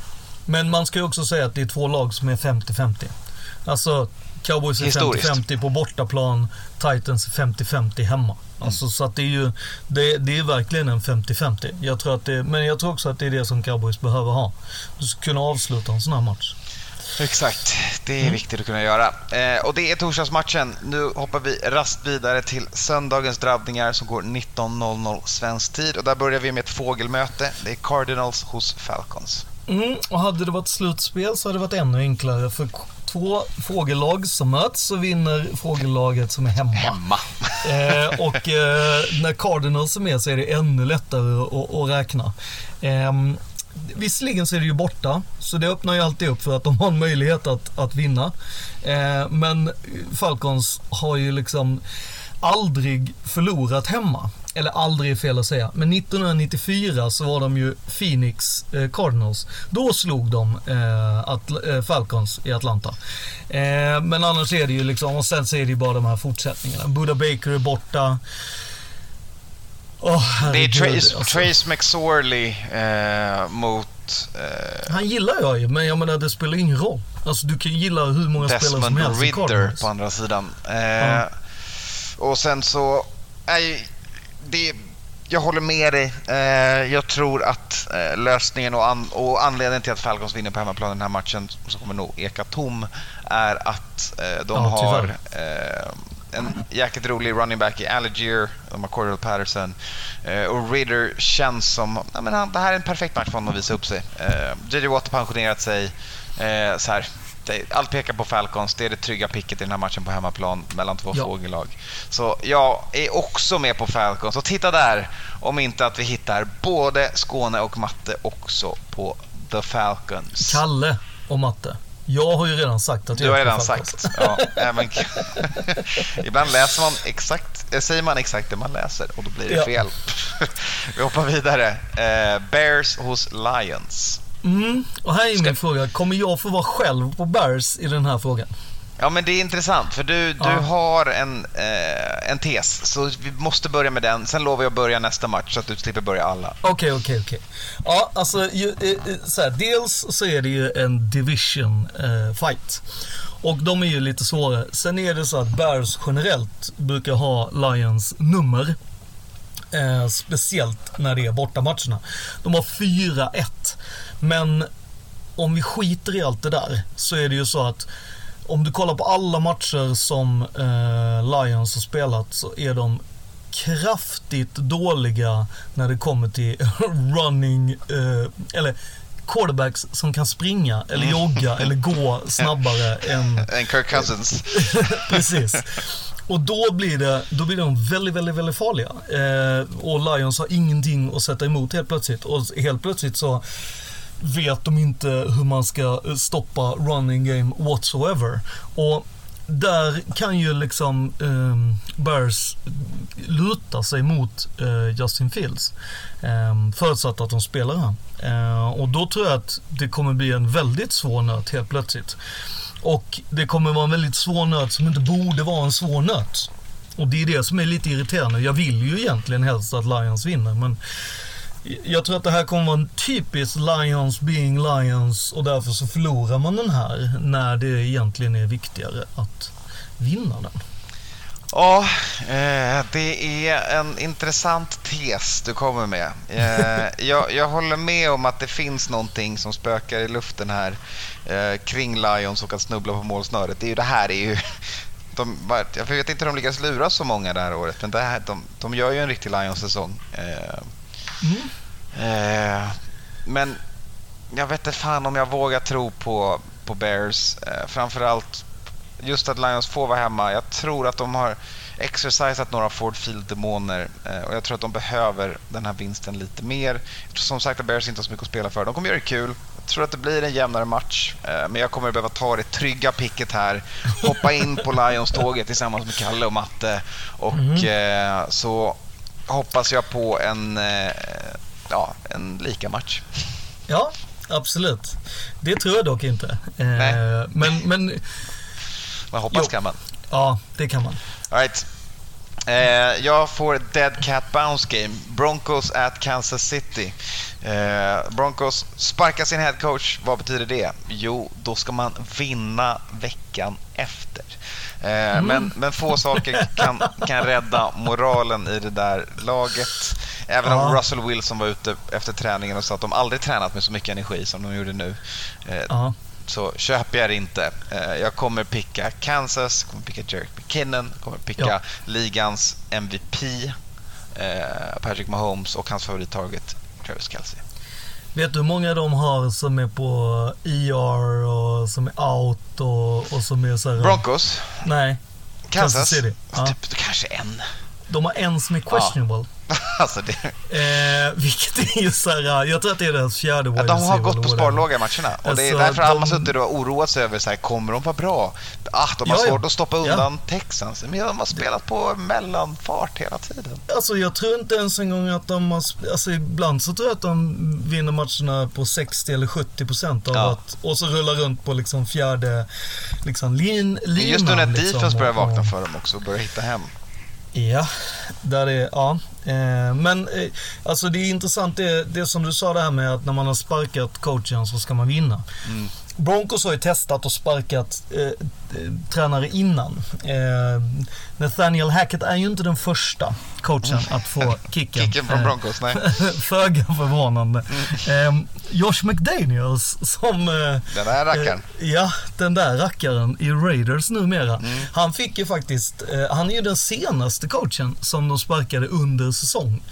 Eh, då var det 2010 eh, och det var hans andra säsong eh, när, eh, som, ja, han hade ju för övrigt, det här är ju också väldigt kul.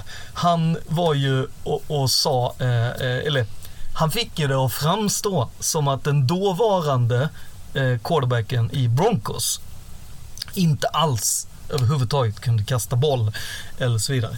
Eh, så då tradade man han till Bears. Eh, Den en där viss- lilla Smoking Jay.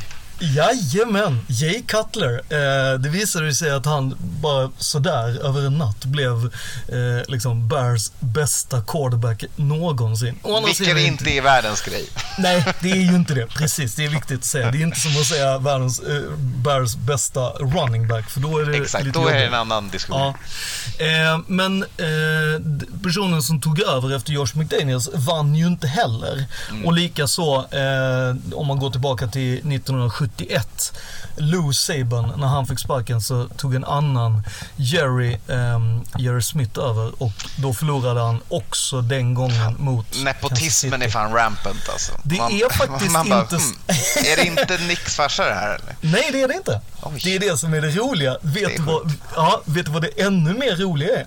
Det är att, alltså, för det här är så jävla, för jag, det var det första jag tänkte också. Jag bara, det här är helt sjukt. Jag, hur kan jag ha missat att, att Nick Saban har en, en farsa? Liksom, vad är det här? Och i coaching. Så bara, nej, ingenting om Nick. Så bara, hmm, och så gick jag in och läste mer och, så bara, och, och började gräva. Då hittade jag ett citat från eh, Lou Sabans eh, änka, hans andra fru, eh, som säger att eh, nej, för de har, han har på alla gånger på frågan så har han sagt att nej, vi är mer dis, di, eh, distant cousins.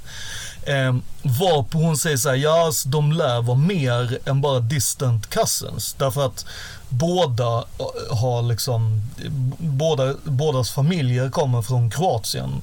Eh, Kroatien är inte jättestort liksom, så att de lär vara mer släkt än vad de har tillkännagett. Men det är aldrig någon som vi har liksom, ja, men, firat liksom, jul med och sånt. Så Men, att, eh, för att avsluta-. För att se upp det historiska kring Lou Saban så är det ändå hans coachingträd som producerat Schottenheimer, Lovie Smith, Mike Tomlin, Tony. Dungy, Oh, Cowher, ja. Lewis, Oh, Wiz ja. Och så vidare. Så att, eh, Han är en fantastisk coach. det finns något där också. Ehm, Men nog, nu har ju tror jag vi har tras, trallat nog in i historien om den här matchen där alla har pickat Kansas. Ja, alltså jag tänker att det finns, alltså det är så himla taskigt att, att eh, liksom även om Russell Wilson skulle ha 1000% mer energi och alla andra spelarna och även om de skulle göra världens bästa liksom, match och allting så tror jag inte att det räcker mot ett 70% Kansas. Alltså det, Kansas är så överlägsna.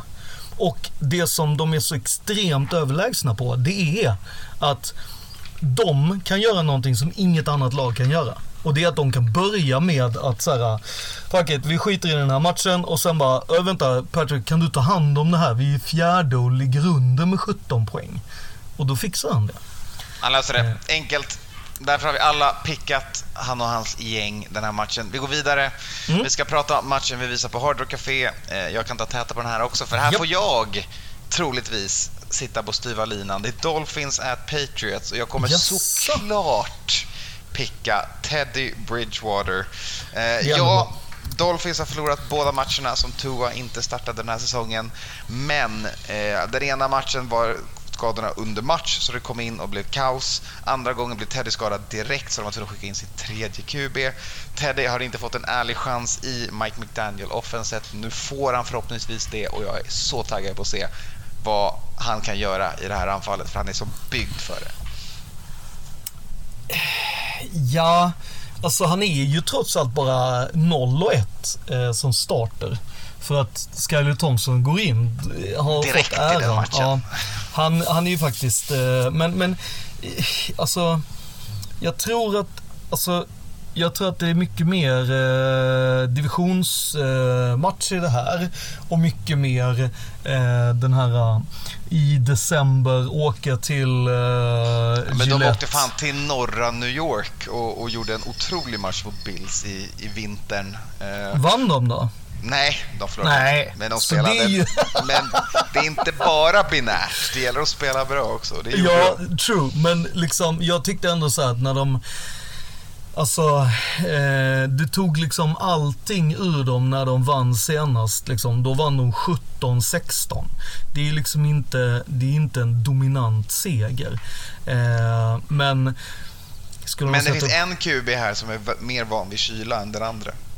Ja, det finns ju en gubbe som har en offensiv koordinator. Och det finns en QB som har spelat i en jävla, en av ligans någonsin kallaste matcher. ja. Och det, är- det är Teddy. Det är Teddy det. Nej men eh, så att eh, jag tror ju att detta kommer bli en sån här defense och special teams eh, vinst.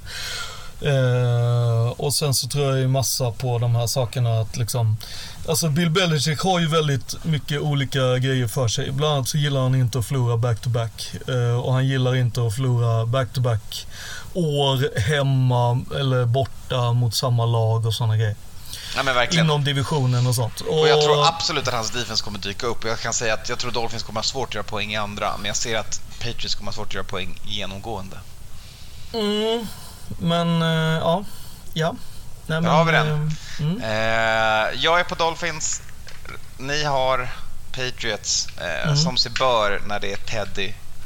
Eh, Man ska väl också säga att eh, förra veckan så satt du och Kalle emot Patriots eh, när det var Bengals. Eh, och då stod jag och Matte eh, på Patriots-tåget.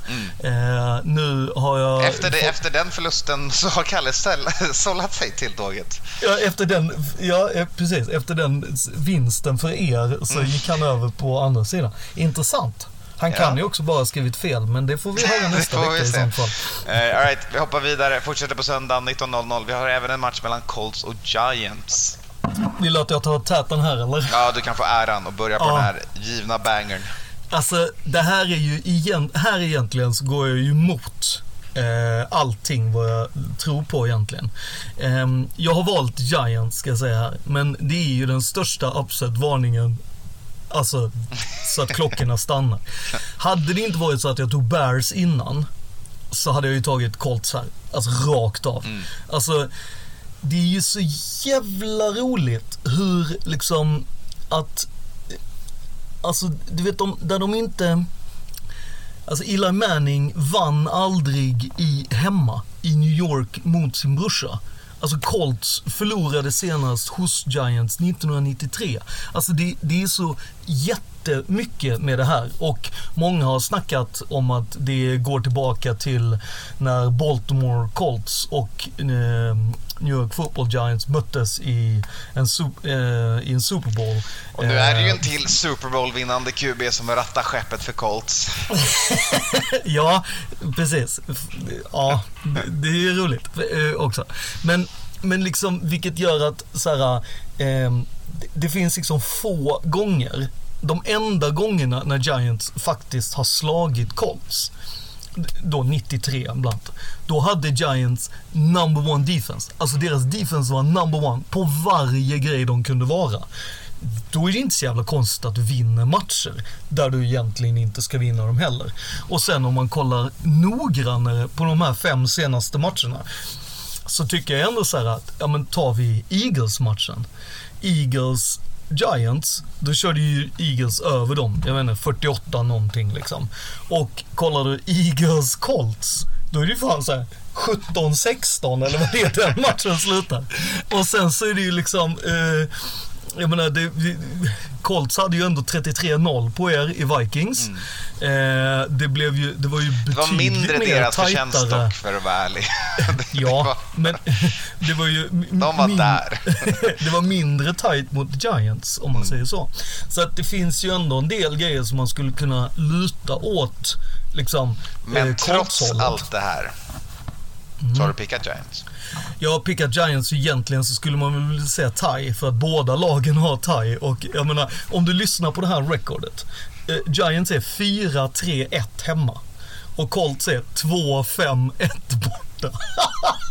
alltså vilka jävla record. Man Ja, kan tro tight. att vi är vecka 6 liksom. Men, men eh, det är vi inte. Nej, eh, jag tänker så här. Eh, jag tänker att eh, det sista Colts hade dök upp i den där Vikings-matchen. Och sen så stoppar de upp tre poäng mot Chargers som inte har ett world beater defense eh, efter att man byter QB. Eh, jag tror att de är klara. Ja. Det är all aboard. Det är dags att, att kasta in handduken och tanka för nästa år för Colts. Ehm, Så jag tror att det kommer påverka. Jag går, det här, den här veckan, mycket mentalitetspix för mig. Mycket så här, har de skeppat in det? Är det en coach här som behöver spela för sin framtid? Nej, alla har redan skrivit av eh, Saturday. Eh, Ja. Han får redan artiklar om sig nu att han är horribel och dålig och, och så vidare och det var en dum idé. Ehm, Så att nej, det tråkiga Colts-tåget 2022 kommer jag nog inte picka igen. Eh, så jag pickar Giants. Eh, vi har med Mm. oss eh, Kalle och Matte på det också. Vi Mm. håller ett öga på upset-varningen som har historisk karaktär. Så får vi se vad som händer i den här matchen helt enkelt. Mm. Då går vi vidare. Då har vi Saints at Eagles och Yes. ehm, eh, jag tror att Eagles tar det här. Ehm, Trots att man vilar Hurts.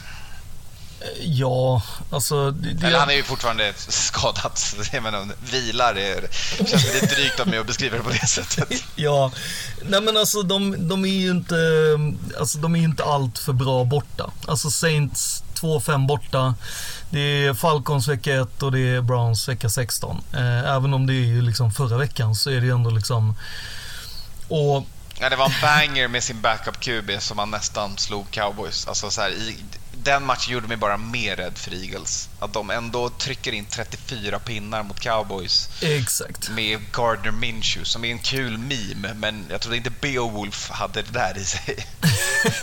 det är systemet som är bra. Flint, eh, han kan. Jag tänker att Flint med hemmafansen kommer göra den här saken ganska enkel. Plus att om du ska jämföra defense så är ju inte direkt eh, Saints något cowboys defense direkt. Ehm, de är ju de är bra och sådär men det är lite mycket mellanmjölk liksom. Eh, sen tror jag inte det nyheten om att Dennis Allen ska vara safe på sitt jobb, att det sitter bra med bland defense tror jag. Alltså så jag tror att det kommer bli en extra platt match på grund av det. Ehm, Jag kan tänka mig att offense tar en liten tupplur av det. Men defense är nog glada med dem. Som sagt, jag håller med dig om att de inte har rot. De har inte varit liksom, det man förväntar sig av ett Saints defense. Men jag tänker att mycket av det är att de fått stå på plan ganska mycket. Eh, med en ja. kavalkad av QBs som har fått försöka, även om det varit mest Andy Dalton. Och att jag tänker att, jag tänker att så här, Dennis Allen som head coach, när det då väl är hans defense på planen så kommer han så här, du vet så här, men pappa har inte tid. Jag måste gå och prata med, jag måste fixa den här quarterbacks-grejen. Ni, ni, jag har ju pratat med er tidigare, jag har pratat med er hela veckan. Nu får ni bara göra Han kallar inte jobb. plays va? Nej, jag, alltså, Det- jo det gör han ju. Gör han det? Ja. För defense gör han det i alla fall. Eh, men han borde ju inte göra det. Nej. Nej, det var en av Han borde ju inte vara head gripes. coach heller, men det är få som lyssnar på mig när jag säger att Dennis Allen Ja. inte är... Headcoach-material, förstår inte vad du menar. Eh, Saints, ha, lyssna inte på Skåne. Fortsätt ha kvar Dennis Allen jättelänge. Skulle jag uppskatta det. Tack. Eh, för Eagles, eh, de visar att de klarar det utan Jalen Hurst. De kan nog ta det ganska lugnt, lufta bänken och ändå plocka hem den här vinsten på hemmaplan. Jag håller med, Kalle håller med, Matte håller med. Alla är på Eagles i den här och vi går vidare. Japp. Panthers eh, och Buccaneers. Yes, jag kan ta täten. Ja. Eh, det är intressant, om man kollar på pixeln så ser man att mitt orerande om Panthers defense har... Eh, nu säger jag att jag har fått med mig Kalle, nu är inte han här och kan motsäga det, att han säger att han hittar dem själv. Så vi, min Ja. historia får stämma för den här veckan i alla Ja. fall. Jag har fått med mig Kalle på Panthers-tåget. Jag är på, jag har sagt att de ska ta sig till slutspelet för det krävs att de vinner mot Buccaneers. Det här kommer bli en jämn jävla match. Jag eh, fattar att det är en divisionsmatch. Jag fattar att Panthers inte är world beaters och jag fattar att eh, Buccaneers kan göra någonting och de gillar att vakna sent i matcher och Brady gillar att vinna på några fina drives i slutet.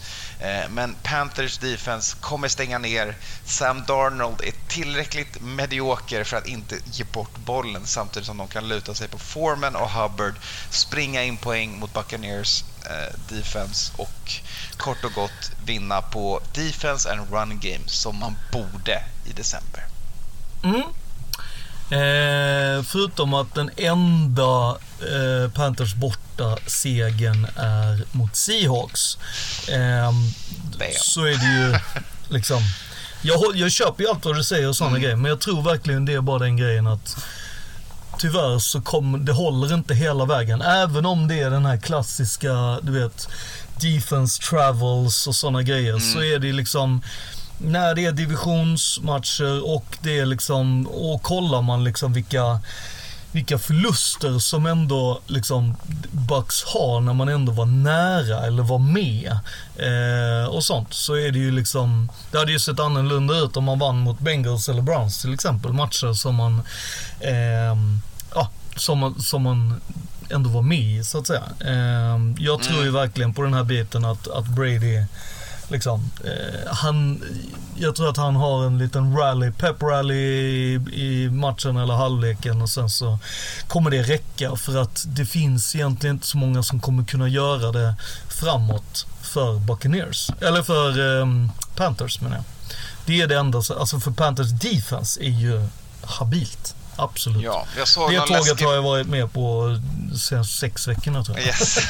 Jag såg någonting om JC Horn och deras cornerback. Jag är lite orolig för han och, Mm. skadelistan. Ja, det Eh, han, är på I, på han. ja, Mm. han är på IR nu, så att det finns hål i den där secondaryn. Ja. Eh, han har varit ett tag. Det var jag som hade för mig att han spelade. Eh, Han har varit doubtful och de har försökt få med han varje vecka typ. Men jag tror att de stängde det förra, alltså i början av veckan så var det att de gick ut med att det måste bli operation och, och liksom så. så. ingen JC. Split pick. Jag och Kalle på Panthers, du och Matte på Buccaneers. Vi går vidare och hoppar Mm. till Browns hos Commanders.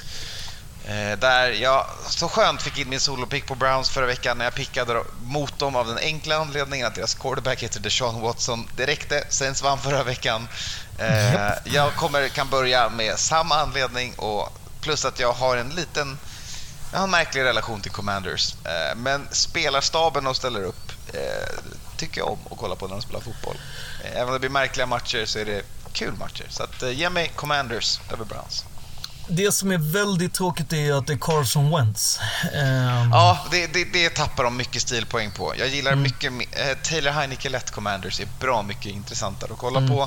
Eh, han är ju verkligen kuben som blandar och ger den där Taylor. Från Mm. drömmiga drives och passningar till absoluta brain farts. Eh, Alltså Carson Wentz är ju, jag vet inte hur många det är som känner till att hans så här, favorithobby är jakt. Eh, eftersom att han höll till där i North Dakota eh, så länge så älskar han ju jakt på ett sånt här sätt som är lite lätt eh, farligt kan man väl säga. Eh, han har ju också Där sån här- andra som inte sysslar med det lyfter ett frågande ögonbryn Ja, och tänker ja, ja. "Jaha, Han, har ju, han är ju också en superkristen bakgrund. Jättesuperkristen är han ju. Eh, så han har ju en, eh, en kristen foundation. Eh, Han är och inte de- ensam om att vara absolut superkristen QB i NFL dock. Det Nej, han är inte ensam i den kategorin. Där är det och många. kristen på ett amerikanskt sätt. Ja, mm, och därför så tycker jag kristen och vapen är ju lite så farligt kan jag känna. Men han, hans foundation ger ju eh, barn med livshotande sjukdomar. Eller alltså barn som är döende helt enkelt. Tar han ju ut på jakt. Eh, Kommer vilket- barnen tillbaka? det är ju lite det som jag alltid har blivit så här. Finns det liksom jag vet inte hur många år han har hållit på med det här, men liksom x antal liksom, barn ute i skogarna där, eller, li, eller liksom, Eller som bildat, de lever där ute nu och har bildat Ja. sin egen stam. Liksom. exakt. Eh, och eh, han har ju även försökt få med sin gamla O-line i, i Philadelphia genom att ge hela O-line varsin hagelbrakare eh, i en sån här eh, Christmas gift. Så att jag vet ju inte om alla hästar eller ankor är hemma hos eh, den gode Carson Wentz skalle. Men eh, Men nog är det väl tillräckligt många för att Commanders ska kunna slå Browns hemma när de har någonting att spela för och Browns eh, jag inte hoppas har det. det. Men jag är lite rädd för att han ska, du vet, så här, visa, vara morsk och visa sig på styva linan. Ja, han har och, ju en tendens att vilja extenda allt och, och Ja. gå for the hero play varenda Ja. jävla läge istället för att och bara det kasta tror jag ju ger liksom Browns en mega möjlighet att vinna. Men eh, jag, jag tror, jag har ju Commanders här. Ja, Men, eh, det finns en chans. Vi lyfter ett varningens finger för Browns. Ja. Eh, vi... På grund av Carson Wentz. och trigger happy kanske man är, är någonting vi, ja. Ja, det, Mm. det, det är ett bra sätt att beskriva honom på, kan vi konstatera. Alla är på Commanders. Vi hoppar vidare till Jaguars hos Texans. Eh, vill du ta täten här? Ja men jag vill ju gärna det, för jag hade ju Texans förra veckan. Den Eh, satte och, fint. Solo den- på Texans. mm, Deras andra vinst. Exakt. Och jag tror ju att eh, det inte är en chockvinst nu när de vinner eh, även eh, den här veckan. Jag tror ju att de faktiskt kommer att eh, köra back-to-back, back-to-back, back-to-back. Alltså att de kommer avsluta med tre segrar. Ehm, en sån här, det är ju annars bara Jets som brukar göra sånt. Alltså att man vinner i slutet av säsongen så att man inte får Trevor Lawrence till exempel. Exakt. Man får Eh, Zach Wilson istället. Kanon.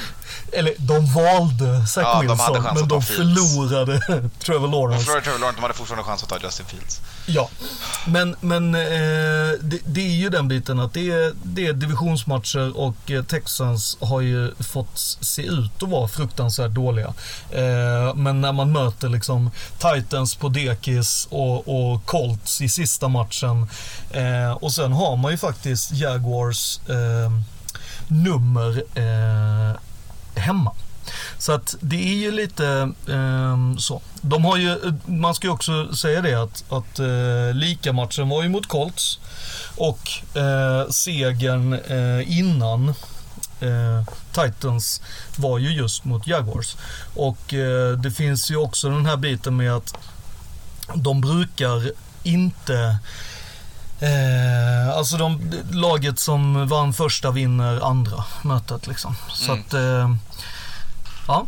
Ja, vi får Här, se. eh, Jag säger att du, står you're, doubling, you're doubling down on the Texans. Jag tycker det är fint. Jag har ju frågat mig nu tre poddar i rad om de, frågat öppet, är de ett bra lag? Och vi kan väl konstatera att de är inte ett, Nej. de är inte 2-1-11 dåliga.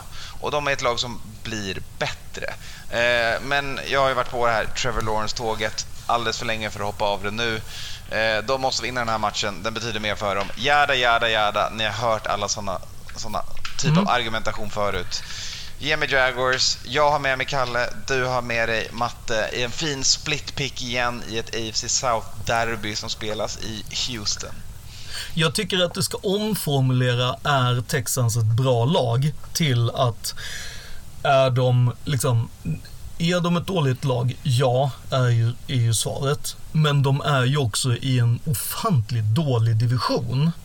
Sant. Och då är det inte så jävla svårt att slå de lagen liksom.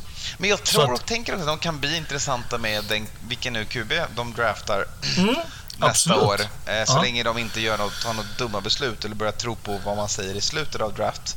Mm. Varvet. Lita på deras Men- picks, picka en bra QB och sen så kan de börja göra lite skada. Och lite wide som- receivers. Det som, det, det som är det absolut roligaste, det är att jag är ganska säker på att de inte kommer ta quarterback med sin första pick. Ja, Det vore skandalöst av dem. Varför det? De, alltså, de har ju lyckats så mycket bättre med deras first picks när det har varit defense. Alltså, nu, nu å andra sidan så men om- JJ och Jedevon Clowney kanske inte anses vara liksom några no-brainer, men, eller anses kanske vara no-brainers. Men, Ja, men om Bryce Young står där så är det väl bara att ta Bryce Young, eller? Men du har ju ändå topp 15, du har ju en pick igen. Ja, men då är han borta. Eller pick 10 eller vad fan det är. då Ja, men jag du- tänker att så här, ta Will Anderson eller vad du behöver. Alltså, jag menar, det finns ju bra folk. Så att, men jag har hört mycket också från Texans håll att det inte verkar vara eh, QB det första picken. Vilket skulle vara lite kul och det skulle nog ställa till det lite i, i draften. Jag hoppas ju på en rolig draft så att eh, då vill man ju alltid att de inte bränner av alla QBs det första för då brukar det bli åt helvete. Japp. All right. Vi får se. Vi lämnar det och draftsnacket. Vi går vidare till två lag eh, som, ja, det Ja. finns lite anhörig... An, Höriga! lite anhöriga till nästan. Skitsamma. Söndag 22.05, Niners at Raiders. Ja. Vill du börja eller? Ja, eh, Niners eh, jagar andra sidan. Eh, Niners defense har Ja, men i den här säsongen visar på att de har löst sina problem de hade i secondary. Eh, och med det och med mindre skador eh, så kan de konvertera på deras otroliga pressure de skapar. De flying over the field, otroligt explosivt och snabbt defense. Och på den andra sidan bollen så gör de det som behövs. De springer med bollen, de gör sina poäng, eh, de gör väldigt få misstag och det är ett kanonrecept för att gå långt. Eh, så att eh, så länge Raiders inte kan sätta dem i en bind och i en hold, det har inget lag lyckats med på väldigt länge. Men det är det man behöver göra, man behöver tvinga dem att ändra gameplan. Så att Stidham behöver börja starkt och det är svårt att be en kille som startar sin första match att göra det. Ja, Jag hade skrivit en lång eh, grej och detta är ju långt innan eh, Carby bänkad ska man ju veta. Eh, där jag egentligen blev så här, ja men min tes var ju liksom hur bra är Carr när han blir stressad? Eh, han är ju inte bra, så kan vi säga.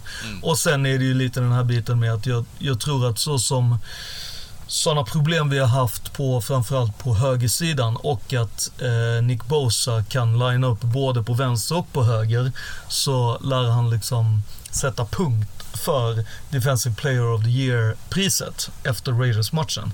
Eh, och sen är det ju också den här biten med om vi bara tar andra halvlek till exempel.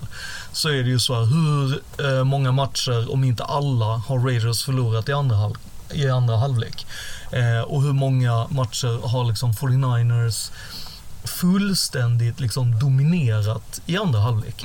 Eh, och där är det ju liksom på, de är verkligen på varsina sidor om historiestrecket kan man säga. Det ena laget gör liksom bästa någonsin och det andra laget gör sämsta någonsin. Eh, jag skrev någonting om att jag önskade att, eh, jag hoppas att Raiders gör poäng på första driven, helst en, en TD till Adams, för sen blir det nog three and out och eh, field goal try resten av matchen. Jag tror att den här matchen kan bli ganska Jag måste rolig. skaffa en two-score lead på Niners och tvinga ut dem ur deras trygg, trygghetsaura. De måste ha en two-score lead going into andra halvlek. Ja. Det är mycket att be om mot det här defenset. Ja, det tror jag inte. Det. Eller det tror jag inte. Men däremot så tror jag att vi kommer få se ganska mycket, liksom, eh, att Raiders kommer lyfta bänk, lufta bänken ganska mycket och inte bara Stidham, vilket kommer göra att det kommer vara ganska intressant match. Jag gillar ju ändå de, eh, alltså jag gillar ju när lagen gör det. För att då får man ju lite mer se lagen i riktiga moment. Det är svårt att avgöra i preseason om de är så jävla bra. Eh, Exakt. och det är många man vill se mer av. Ehm, men det Ja. finns ju ingen som tror att Raiders kommer vinna. Nej. Nej. Eh, ingen i podden i alla fall. Alla fyra är på Niners. Vi hoppar vidare till eh, en kul drabbning 22.05. Det är Jets at Seahawks och två lag på vardera sida in the hunt. Jets jagar plats i AFC, Seahawks jagar plats i NFC i en match som troligtvis skickar hem förloraren. Ja, och vill du... Alltså Kalle och Matte är på Jets. Ja, jag vet. Vad gör de? De tror Ja, på Mike vet inte. White, tåget och deras defense. Vet vad de inte är medlemmar i? Nej. Geno Nation. Ja. Just det. Ja. Trots, du fortsätter att säga Gino Nations trots att jag har förbjudit det att du får inte säga Nation. Vet. Du får säga något annat. Gino Country eller något. Gino Country, that's right. Ja. Det är det jag säger. Jag kommer såklart picka Seahawks och Gino i den här matchen. Mm. Även om jag tror att det kan eh, vara eh, lite jobbigt. Men faktum är att Pete Carroll har fått koll på sitt run defense. Ehm, Ja. De har börjat se mycket mer och mer gap sound. Eh, Seahawks börjar blir det här gastkramande defenset som han vill ha. De är inte där än. De kommer förhoppningsvis hitta dit för Seahawks-fansen nästa år. Ehm, och på andra sidan bollen, så, så länge Gino får tid från sin o-line och så länge Kenneth Walker väljer rätt gap att springa i och inte bara försöker bounce allt, så kan de göra skada på Jets defense. Eh, jag tror på en low scoring game där hemmaplansfördelen väger över till Seahawks eh, och eh, slutspelshoppet kommer leva för Sjöhökarna. Mm. Jag är ju helt med på det. Jag tror ju att hela den här biten med alla de här QB-kontroverserna i Jets är det som liksom Ta musten ur ehm, liksom Jets som annars hade kunnat vara en dark horse eh, in i playoff. Men de är ju alldeles för dåliga i december uppenbarligen och december är Seahawks duktiga och det är det man behöver vara för att kunna ta sig in i ett liksom i, in i ett slutspel liksom. Och sen är det ju den frågan som jag redan sa innan liksom. Kan en, defens, alltså, en defensiv headcoach liksom. Hur bra är det för en rookie quarterback? Mm. Eh, och sen eh, så är det väl många som säkert har labelat det här som en revenge game för både Gino och Jamal Adams. Ehm, jag tycker ju att det är lite eh, fel ord. Eh, jag blir ju lite sådär kräkig i munnen när jag hör folk säga revenge game hit och dit. Men det är ju lite för det är ju ändå, alltså Geno Smith och Jamal Adams, eller framförallt Jamal Adams, är väl inget annat än en wash-up liksom. Jag tycker att han var överskattad i Jets och jag tycker att han är, har underpresterat i Seahawks. Eh, han är långt ifrån den stjärna som han borde vara. Medan Gino liksom- var underskattad kanske i Jets. Ja, ja. Absolut. 100 procent. Och jag tycker ändå så här, men samtidigt så är det där med wash-up liksom, eller, eller backups. Det är väl kanske lite vad Seahawks faktiskt är. De är bästa tvåan i, i NFC med, med liksom Gino som är bästa backup quarterbacken och Adams som bästa backup safetyn och Pro Kenneth Walker är bästa. Gino Smith, om jag får be. Ja, den där uh, populärs... eh, jag, tyckte att, jag tyckte att Josh Jacobs sa det väldigt bra när han bara... Jag vet inte vad jag ska säga om Pro Bowls. Vissa år när jag inte har val, när jag inte blivit vald, då tycker jag att jag skulle ha varit där. Och vissa år när jag blivit vald, så tycker jag att jag inte skulle ha varit där. Eh, Men vi kan alla enas om att Gino skulle vara där. Vi har Kalle och Matte på Jets. Det var Ja. du och jag på Sjöhökarna eh, Japp. i en match på... Vad heter den då? Lumen heter den nu för Yes. tiden. Lumen. Fin. Mm. All right, nästa match. Eh, den får vara själv i sin timeslot 22.25 så att eh, det är matchen som pågår längst i 10-slotten. Det är derbyt i norr, det är på Lambo, det är Vikings på besök hos Packers.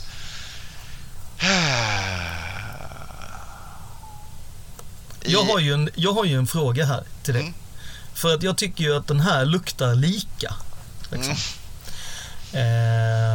Och Mm, de har ju en tendens de här två lagen att Ja, göra så. men med det då, eftersom, alltså, om, om jag skulle säga så här, den här matchen luktar lika, då borde väl ni vinna på ett sånt här gastkramande sätt i slutet av matchen, kanske till och med i overtime. Så att där, det är, alltså, för att det luktar så mycket lika, så tycker jag att då vinner ni den här, Mm. Ja, här- med ett field goal eller liksom, ja, en, Ja, en men det här är ju sån här eh, typisk eh, match sent i säsongen. Eh, då tar jag med i researchen också. Vikings brukar slå Packers sent på säsongen när de ska ta sig vidare. Oftast är det lagen i olika situation då. Att det är Packers som är ganska klara och Vikings som krigar med, med andan i halsgropen. Nu är det åt andra hållet istället. Så Packers har bra mycket mer att spela för.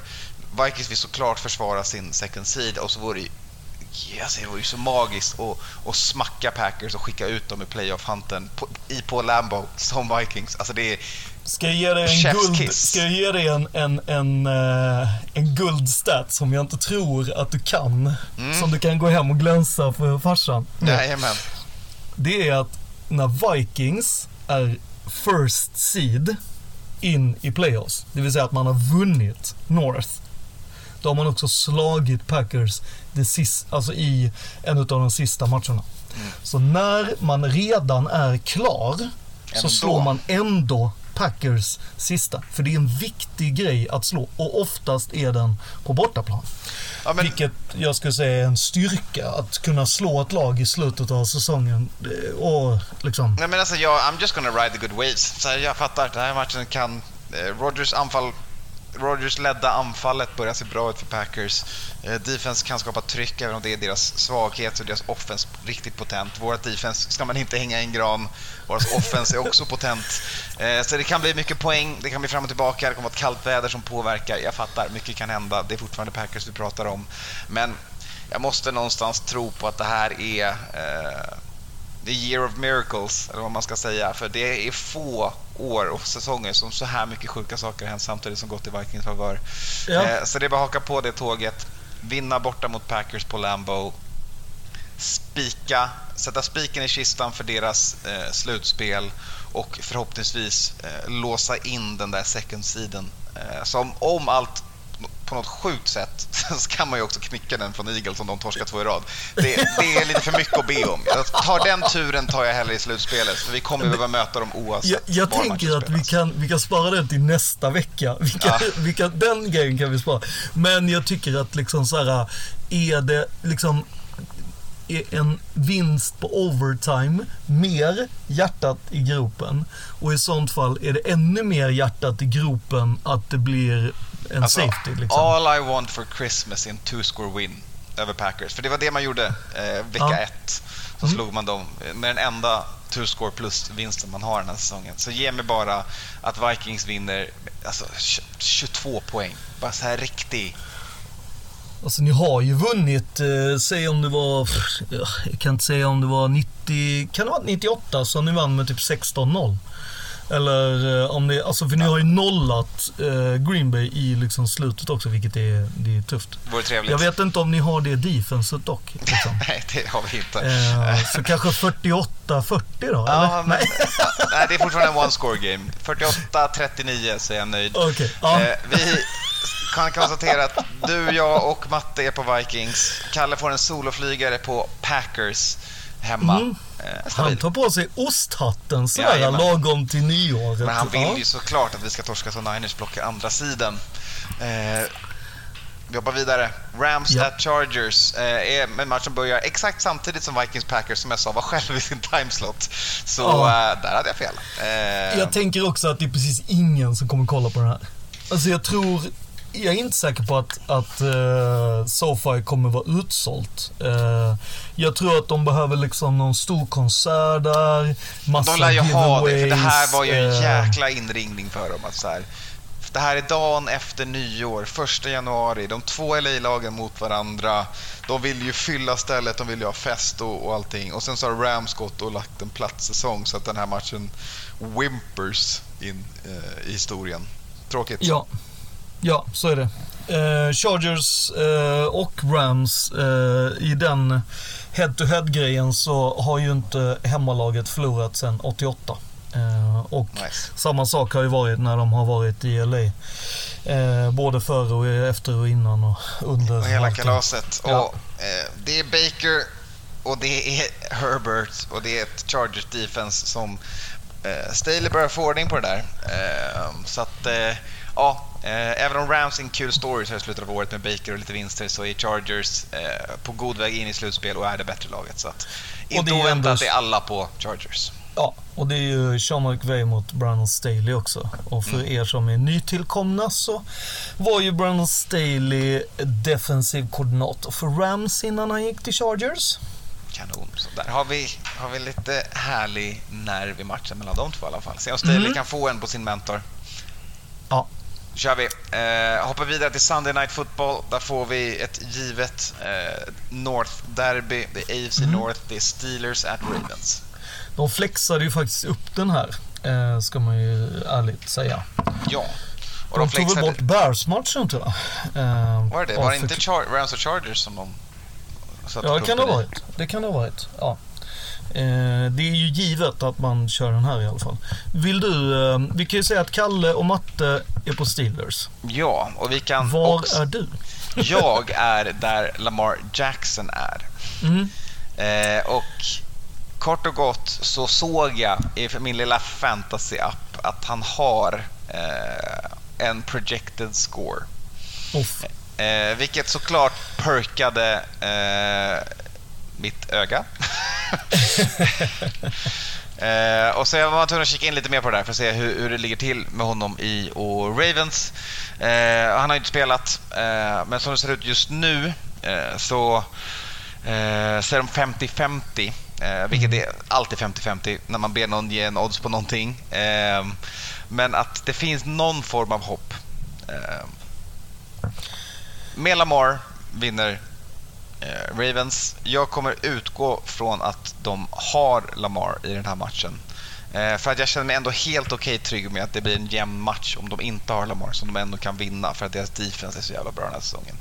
Eh, framförallt deras linebackers som kommer göra det eh, riktigt jobbigt för Steelers O-line som fått lite lättare matcher de senaste veckorna. Ehm, så ge mig Ravens. Jag säger trots Steelers alla fall framåt så kommer det inte räcka för att slå Ravens på bortaplan. Och ehm, jag är ju med på det tåget. Eh, det är ju det är väldigt, väldigt intressant det här mötet. Och det är ju det är ju väldigt roligt. Det är ju alltså 15 gånger som Steelers och Ravens har varit primetime.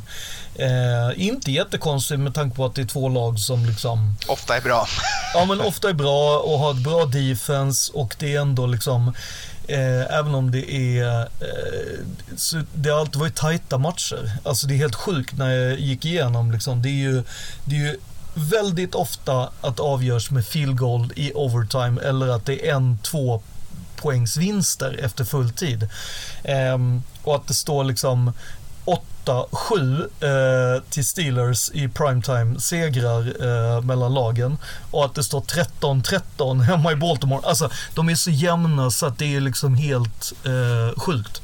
Eh, men jag tror, att, eh, jag tror ju också att Lamar kommer, sl- eh, kommer spela och jag tror att Lamar kommer spela av den enda anledningen att nu har man liksom, jag tror ju inte att skadan var så himla allvarlig. Eh, men att man valde det säkra för det osäkra. Ja. Och valde att vila han i två matcher. Eh, och därför så är den här 50-50 egentligen eh, mer för att trolla Steelers än någonting annat. Och jag tror att Harbaugh kommer vinna det här. Eh, Lamar spelar och eh, så kanske det räcker med en field goal-vinst med Tucker. Kanske Och då kan vi i så fall spika in den första losing seasonen i Mike Tomlins record, vilket vore sjukt. Mm, den är ju, och att det krävs eh, Det här, för det. Ja, men, ja, att det framförallt att det krävs... Eh, ja, alltså att, att det krävs en, en säsong där du kan ha 17 matcher. Det är också det. Alltså, Mm. För att annars hade det ju kunnat bli en, en eh, lika som man har kommit undan med innan. Kan man ju säga. All right, är du redo för Monday Night Football? Sista matchen? Jag hoppas. Ja, det kommer bli en riktig banger. Det är Bills på besök hos Bengals. Så Buffalo Bills mot Cincinnati Bengals i Cincinnati. Jag tror ju det här kommer vara en av säsongens kanske bästa matcher. Så jag är ju lite sådär, fan man kanske borde kolla den här live liksom. Mm, exakt, jag håller med dig om det. Eh, kommer nog inte bli lika bra som den där Bills-Vikings-matchen som kommer vara säsongens bästa match.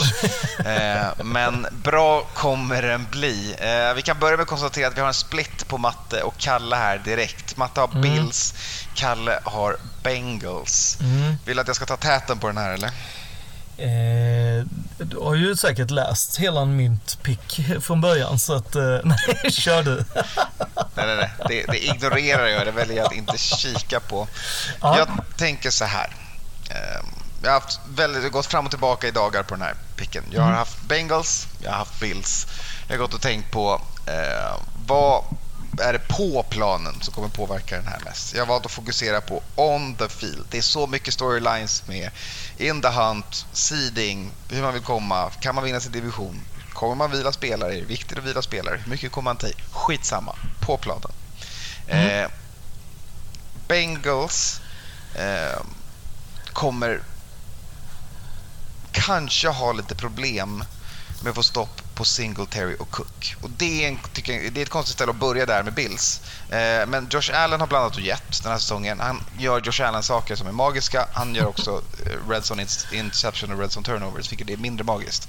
Eh, Burrow har också lite av that gambling devil i sig. Så det kommer någon, någon per match också. Jag tror att vi får se en interception på varje QB. Jag tror att eh, running game kommer bli svårt för Bengals att stoppa för att de har inte linebackersarna som, eh, på samma sätt som Bills har. Eh, och Bills kommer kunna göra Bengals mer endimensionella. Eh, jag tror att det kommer göra att det här kommer bli en hero game för Burrow. Jag tror att det kommer spela som en hjälte. Jag tror att Josh Allen kommer sen då vara kronan på verket här som gör att de vinner. Så jag tror på en jämn match. Jag ger mig övertid i den här bad boyn. Ge mig en Bills-vinst på, på marginalen i en kanonmatch helt enkelt. Mm. Jag, eh, jag tänker mycket på um, eh, Patrick Peterson eh, som jag tror ganska Mm. med. mycket eh, var, var liksom anledningen till eran vändning mot Colts. När han sa att, men vadå, det är bara fem touchdowns. Just give me five Alltså, touchdowns. Ja, vilket är så här att jag tror ju att, att alltså både Josh och ehm, eh, Joe skulle må bra av att ha eh, en, en, en, Patrick Peterson som faktiskt säger de grejerna. För jag undrar om inte eh, Patrick Mahomes har någon som säger typ lite samma grej. För att den här, eh, alltså när du har ett defense som tror på sig, jo jo, men alltså vadå, ni ska ju bara göra det, vi kommer stanna bollen. Alltså det är ju inga konstigheter. Det ger ju också för att, alltså det här som du säger att, men det är ga- gambling devil, de kommer eh, slänga, alltså, jag skulle säga att det gör ju ingenting när Joe Burrow eller Josh eh, kastar en eh, interceptions. Alltså det är inte, alltså när Josh Allen skickar en så är det så här, ja ja, men då kommer han bli sur och så kommer han själv springa in en så här 37 Exakt. Om man inte gör det som sista spel i övertid mot ett lag i lila, för då förlorar man matchen. Ja, korrekt. Men, men alltså, samtidigt så är man också okej med det för att han försökte. Liksom. Exakt. Och jag, jag tror ju att så här, alltså, det hetaste laget i EFC, alltså hands down, under december månad. Tidigare så var det Patriots, alla visste att så okej, när det börjar bli december, januari så är det liksom, det är bara, du kommer inte ha en chans liksom. De kommer hitta sätt som gör att det. Det är ju inte riktigt så länge, men numera så är ju Bengals de som har prickat. Eh, De prickade ju förra året, Absolut. så smög de ju enormt. Alla, hade, de fanns ju inte med på radarn hos någon, vill jag minnas. Eh, och eh, egentligen efter Raiders-matchen eh, som man vann på ett litet domarsätt, men men, eh, så gick det ju eh, kalas. Men då hade de ju alla glömt hur det faktiskt var under december. Hur de liksom eh, slog eh, till exempel Kansas City och lag som var, ja, det var väl det som folk eh, ryckte på ögonen över. Men, men jag tror ju liksom att det, de har samma, de, alltså jag tror att Joe liksom har lyckats snacka in det i huvudet på folk att säga, ja men nu, ska vi, nu är det bara Bills den här gången istället för att det är Kansas City och vi kommer dit och eh, eh de här kommer vi slå. De är redan klara, de har sagt att ner, de har gjort allting. Alltså, jag menar tar du segrarna som Bills har. Det är Jets på dekis hemma. Det är ett utslaget Bears. Dolphins och Patriots hemma och Lions på inom situationstecken bortaplan på Thanksgiving. Det, jag tycker dessutom att man hade tur med sig i den matchen, men det har jag pratat nog om. så då är det ju ändå lite så här, vilka har Bengals slagit? Då är det ju ändå så här, okej. Det ändå är, det är at Bucks, det är Kansas City hemma, det är at Titans in, liksom innan egentligen började Innan- deras förfall liksom. Innan golvet föll ut ur det på det laget. Exakt. Och sen är det Browns hemma och Patriots borta. Och det är liksom inga, det är inga easy victory. Du stoppar in skorna och så är det lugn liksom. Eh, så jag tror ju att Bengals, jag tror ju att det kommer bli en mega match. Men jag tror att det är Bengals som kommer sätta skräck i Bills. Eh, och jag tror att detta kan också knäcka Bills playoffs eh, rent mentalt, fullständigt och totalt. Nice, då har vi en split pick där också. Två på Bills, två på Bengals och pick'em-raden för vecka 17 är klar. Då har vi bara en vecka kvar nästa vecka. Vi kommer såklart picka alla slutspelsmatcher också. Men en vanlig vecka klar, kvar innan vi säger hej då till, eh, för att vara exakt, 18 lag eh, som vi slipper bry oss om. Det var hårt. Du kan fokusera på Man kan På fokusera på draften. annat och Ja. draften. All right. eh, vi ska hoppa in i overtime. Där kommer vi Yes. ta lite crime watch, för det hann vi inte med i det här avsnittet som nästan eh, är två timmar. Och sen Ja. ska vi också eh, nämna några till QBs som vi inte heller hann prata om. Så haka på i overtime. Det, det kan man lyssna på om man är Patreon på patreon.com nflpodden. Eh, bli Patreon, ge oss 10 spänn per avsnitt. Eh, då blir det 20 spänn i veckan. Så får man overtime och no huddle som är måndagspodden där vi rattlar av alla matcher som spelas förutom Monday Night Game, för den har ju då inte spelats än. Precis. Det var det det. Det var det det. Då säger vi som vi alltid gör. Tjo!